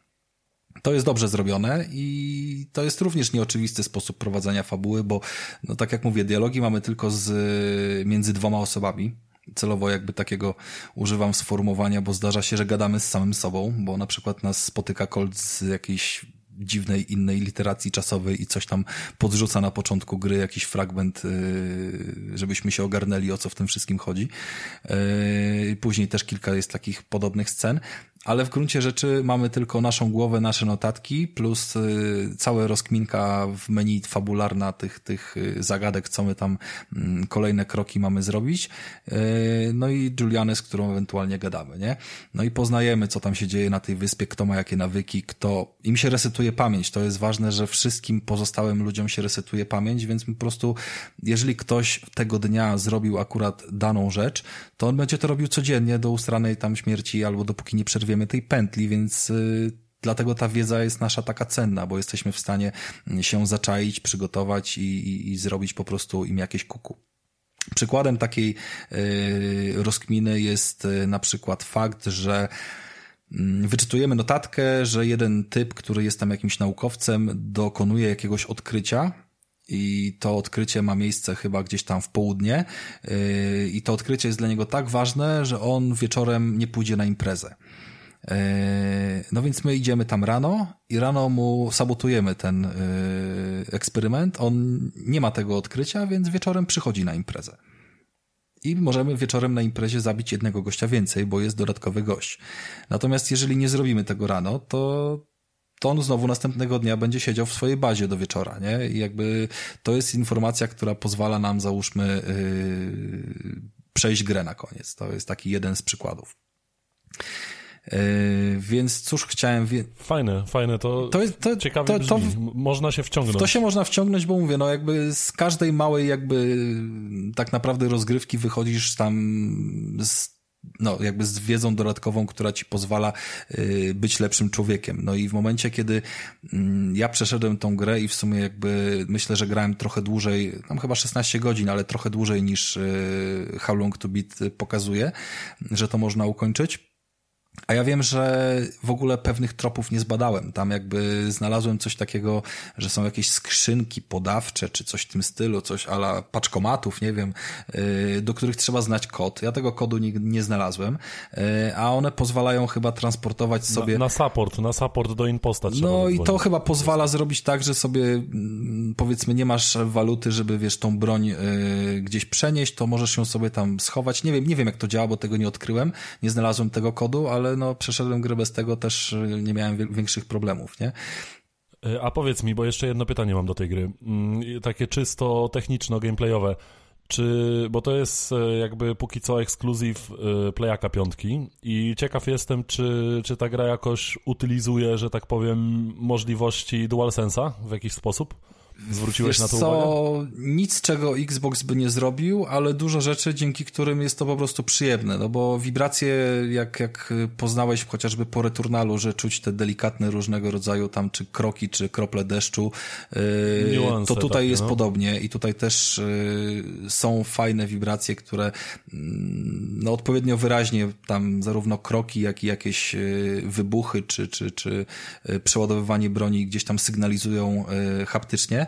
No i same triggery też reagują inaczej zależnie od broni, którą trzymamy, a przy jakby działaniu na dwie ręce, kiedy możesz mieć pistolet w jednej, a karabin w drugiej, no to jakby obydwa triggery się dostosowują do tego i, i dają jakby odmienne wrażenia na, na, na każdy palec, nie? Więc jest to, jest to jakby taka, y, takie dosyć klasyczne, dobrze wykonane, na pewno jest dobrze wykonane, ale klasyczne wykorzystanie tego DualSense'a nie ma nic odkrywczego typu tak jak jest w Returnalu celowanie, y, no bo wiemy doskonale, że to też trafi na Xboxa, więc, y, więc nie. Więc nie, ale... No, to by nie zadziałało. Dokładnie, to by nie zadziałało, ale, ale jest przyjemnie, na pewno no, jakby wolałbym w ten sposób grać niż gdzieś tam na innym padzie. E, w ogóle z tego co wiem, bo to też wyszło na PC od razu, e, i myślę, że no zawsze ktoś może zechcieć zagrać właśnie w to na PC, e, to wiem, że DualSense jest obsługiwany na PC jakby z kompletem tych swoich funkcji, więc to jest... O proszę, tego, tego nie no, wiedziałem. Gdzieś tak wyczytałem. No ja osobiście tego nie sprawdzałem, ale wyczytałem, że jest takie potwierdzenie, że, że ponoć to działa, tak? No jakby to, że sterowniki do DualSense'a są, to ok, no ale też gra musi mieć tą implementację i na pewno jest różnica, czy ona jest zmodowana, czy, czy jest oficjalna, tak? Więc tutaj po, powinno to wszystko mm, działać prawidłowo. No i słuchajcie, tak się ciągnie dzień za dniem. Mm, nie mamy poczucia takiego, że stoimy w miejscu. My graliśmy trochę ostatnio w Returnala z Mikołajem i dało się odczuć, że przy kolejnych ranach, kiedy już doszliśmy do jakiegoś momentu, nie dzieje się nic nowego, nie ma żadnych odkryć fabularnych, po prostu jak dwie godziny opierdolisz, to psów dupę i nic kompletnie się nie wydarzyło. Tutaj tego mam... Dopóki się nie przebijesz Dopóki się nie przebijesz przez nie ścianę, która cię zablokowała, typu jakiś boss, to nic się nie dzieje nowego.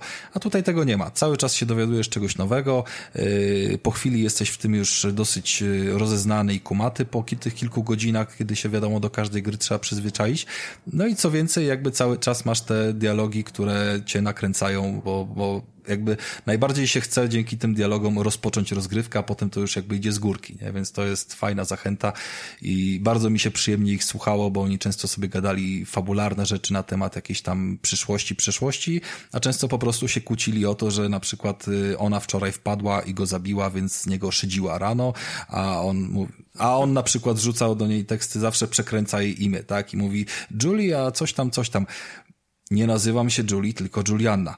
A chuj mi obchodzi, jak się nazywasz, nie? Czy wiesz, coś w tym stylu. No jakby to są takie teksty, które tam są na porządku dziennym i on jest takim badasem, który, wiecie, yy, nazywa się Colt i mówi, a może nazwę go Colt Junior.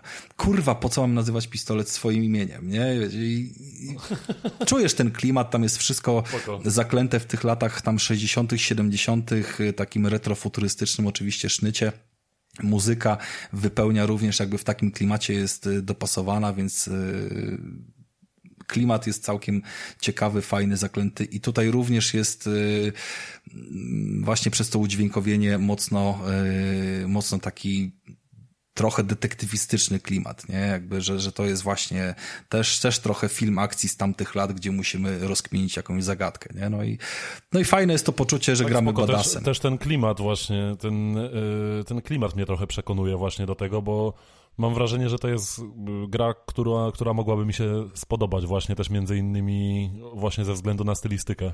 Ja jestem, ja jestem, że ja jestem pewny, że mi ci się spodobała i uważam, dobra. że jest o wiele bardziej dostępna z uwagi na tą dualizm swojej rozgrywki, że nie zawsze trzeba się skradać. Nawet jak ja nie przepadam za skradaniem, to przynajmniej gra mi daje alternatywę, co mamy robić, kiedy już się nie skradamy, tak? Mogę do pewnego momentu się poskradać, ale nie za wszelką cenę.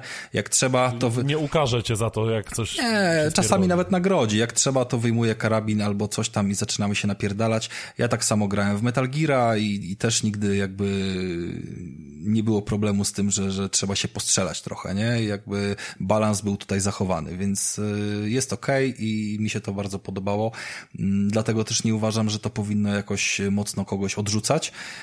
Y, wiem, że Tomka trochę odrzucał początek tej gry z uwagi na mnogość informacji, które tam się pojawiały i ja miałem wrażenie, że coś jest nie tak w samym menu, y, bo wchodzisz do menu i gra ci chce każdy kafelek wyjaśnić, do czego on służy, więc cię wy, wyrzuca tych wyskakujących elementów y, tłumaczących i mam wrażenie, że robiła to za dużo i za długo.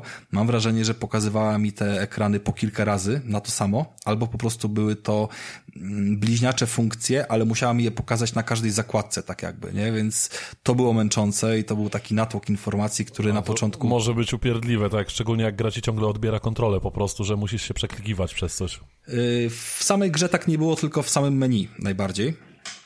Natomiast, y, no mówię, było tak, że tych informacji na początku było dużo, ale te dwie godziny później, które, które już po zagraniu gdzieś tam ogarnąłem, to tak naprawdę byłem w pełni zorientowany do wszystkiego, co, y, co tam się w niej dzieje i to było spoko. No i tyle.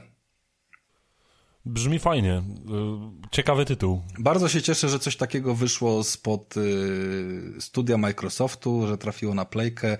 Jest to jakby dobry przykład tego, że, że, że można liczyć na dobre gry też później w Game Passie. które gdzieś tam zrobią kolejne i, i daje to chwałę, bo jednak no tu jest też taka ciekawostka, że Dishonored y, i wiele tam artykułów różnych to poruszało, że i, i Prey, i Dishonored, jedynka, dwójka, no że były doceniane, miały świetne y, oceny i do dzisiaj mają na Metacriticu, a tak naprawdę nigdy się jakoś dobrze nie sprzedały. Nawet jakimś tam patrzyłem... Y, a to były zajebiste gry patrzyłem, po prostu, no były naprawdę dobre. Ale można się było od nich odbić, tak jak powiedziałem, no mi Dishonored nie podeszło, może bym się gdzieś tam złamał, ale, ale nie było takiego jakiegoś, wiesz, ciśnienia. Pewnie byłoby też inaczej, gdybym grę kupił, a nie próbował w Game Passie, bo to jest inny próg yy, jakby decyzji, że nie chcę w to grać, nie? Jak, jak leży no na tak. półce wirtualnej za darmo. Natomiast yy, śledziłem sobie tam trochę historyczną tą sprzedaż. Wiem, że yy, Dishonored, pomimo, że wyszło na wszystkie platformy, to raptem gdzieś tam czwarte miejsce w tym tygodniu premierowym swoim zdobyło na tej UK liście sprzedaży pudełek i to było parę lat temu, kiedy te pudełka były o wiele bardziej popularne, no Deathloop wskoczył na pierwsze, chyba nowszego jeszcze rankingu nie było, po tym jak yy, no po premierze gdzieś tam ten jeden tydzień tylko został zraportowany na, na chwilę obecną, ale mam nadzieję, że tutaj na szczęście duża promocja pomogła i, i że jakby wszyscy docenią ten ruch. Podoba mi się też to, bo przed premierą gdzieś tam pojawiały się różne... Ale to jest właśnie to, o czym rozmawialiśmy, że, y, że Microsoft po prostu nie, nie promuje ale gier, właśnie tutaj daj, daj mi... A, a, Sony, a Sony sprawia, że każda ta gra mm. wyskakuje ci kurwa z lodówki, nie?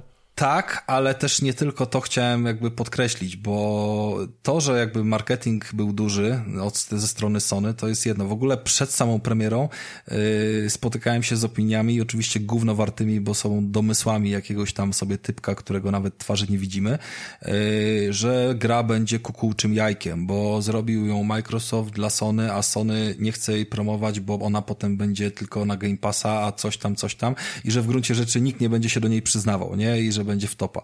A okazało się, że od premiery i przez całe te dwa tygodnie, tak naprawdę do dzisiaj, chociaż teraz już Far Cry zdobywa jakby prowadzenie na, na marketingu, yy, było bardzo głośno o Deathloopie i to nie tylko ze strony jakby wykupionego marketingu w, przez, przez jakby wydawcę, tak?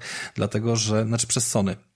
Dlatego, że również y, Microsoft swoje napisał i zarówno y, Bethesda, Arkane, Phil Spencer, jakby wszędzie gdzieś tam Twittery i tak dalej głośno mówiły o tej, o tej grze, o tym, że jest fajnie, o tym, że gdzieś tam sobie, no oczywiście na Xboxach też zagracie za jakiś czas i się wszyscy cieszmy z tego, nie? Więc to było spoko. W ciekawych czasach żyjemy w ogóle swoją drogą, jeśli chodzi no, o to, to są, no to są tak trochę dalej. pojebane czasy, ale jakby lepsze jest takie rozwiązanie, że się wiesz, jakby jedni i drudzy chwalą, niż jedni i drudzy milczą, tak jak w przypadku Psychonautsów. No i chyba z tym się jesteśmy no, w stanie zgodzić. My również tą cegiełkę dokładamy i do jednego, drugiego jakby tytułu, że na pewno one są warte sprawdzenia. Y, dla mnie Deathloop z takiego czegoś, co mnie w ogóle nie interesowało, yy, okazał się no jakby jedną z tych kilku faktycznie najlepszych gier od premiery, jakie ograłem. Yy, myślę, że się bawiłem na pewno lepiej niż przy Abe'ie, yy, chociażby, yy, który no fajną gierką logiczną był, ale powiedzmy trochę jednak miał więcej wad i mi się dłużył. Na pewno to był klimat, który yy, mega mnie wciągnął i w sumie w nic innego nie potrafiłem grać przez, przez ten czas yy, do przejścia tej gry. No i co tu dużo mówić, też spróbujcie. Na pewno spróbuję jeden z naszych patronów, bo to jest właśnie gra, która y, będzie lada dzień do niego wysłana. Y, miejmy nadzieję, że już powoli będzie na nią czekał i w tym tygodniu zagra. Chyba wszystko, co chcę. Chyba, że jeszcze macie jakieś pytania. Nie, chyba wyczerpałeś temat, wydaje mi się. No, chyba tak. To też mi się wydaje, że wszystko jest ok. E, dobra, słuchajcie, to był Deathloop. E, Deathloop e, prawdopodobnie też będzie na Xboxie, ale to dopiero za rok. Na pewno będzie. No to jest studio Microsoftu. To nie wyobrażam sobie, żeby jak się skończy czasowa ekskluzywność dla Sony, żeby ta gra się nie pojawiła w Game Passie. No jakby no tak, e, więc zobaczymy, jak słyszycie, e, pozycja naprawdę bardzo dobra, bardzo mocna i świetna. E, I słuchajcie, no i co? I będziemy kończyć ten 194 odcinek, e, więc e, standardowo E, wchodźcie na bezimienny.pl, tam wrzucamy odcinki i poza tym jesteśmy na YouTubie, bezimienny podcast, wszystkie aplikacje podcastowe, e, Spotify, e, iTunes, też tam znajdziecie bezimienny podcast, tak samo Instagram, Twitter e, czy Facebook i nasza grupa facebookowa Bezimienny Podcast. E, poza tym oczywiście możecie do nas pisać maila bezimienny podcast małpa.gmail.com, tam mamy, tam jesteśmy, tam sobie to zrobimy. W sumie moglibyśmy zmienić na ładniejszy e-mail, ale mi się nie chce. E, słuchajcie, coś jeszcze chciałem powiedzieć. Tak, no i oczywiście pa, Patronite, patronite.pl, wpiszcie sobie bezimienny podcast, tam mamy fajne rzeczy. E, jeszcze niektóre są, niektórych nie ma, więc e, zobaczcie sobie, jak to wygląda. Cały czas mamy kontakt z naszymi patronami. No i kolejne pomysły będą realizowane. I chyba tyle. 194 e, odcinek e, będzie pomału dobiegał końca. Ja tylko e, powiem, że kolejny odcinek będzie za jakiś tam e, tydzień, półtora i na pewno będzie to nowy premierowy tytuł. E, już go mamy w sumie, e, w sensie, że już został kupiony, czekamy. I w sumie chyba to będzie tyle, więc słuchajcie, standardowo ze mną był Rafał Radomyski. Dzięki wszystkim, cześć. Był z nami Mikołaj, Mikołaj Weiser. Mikołał? Mikoła. Mikołaj. Tak, Mikołaj Weiser, byłem. Byłem, znaczy, byłem.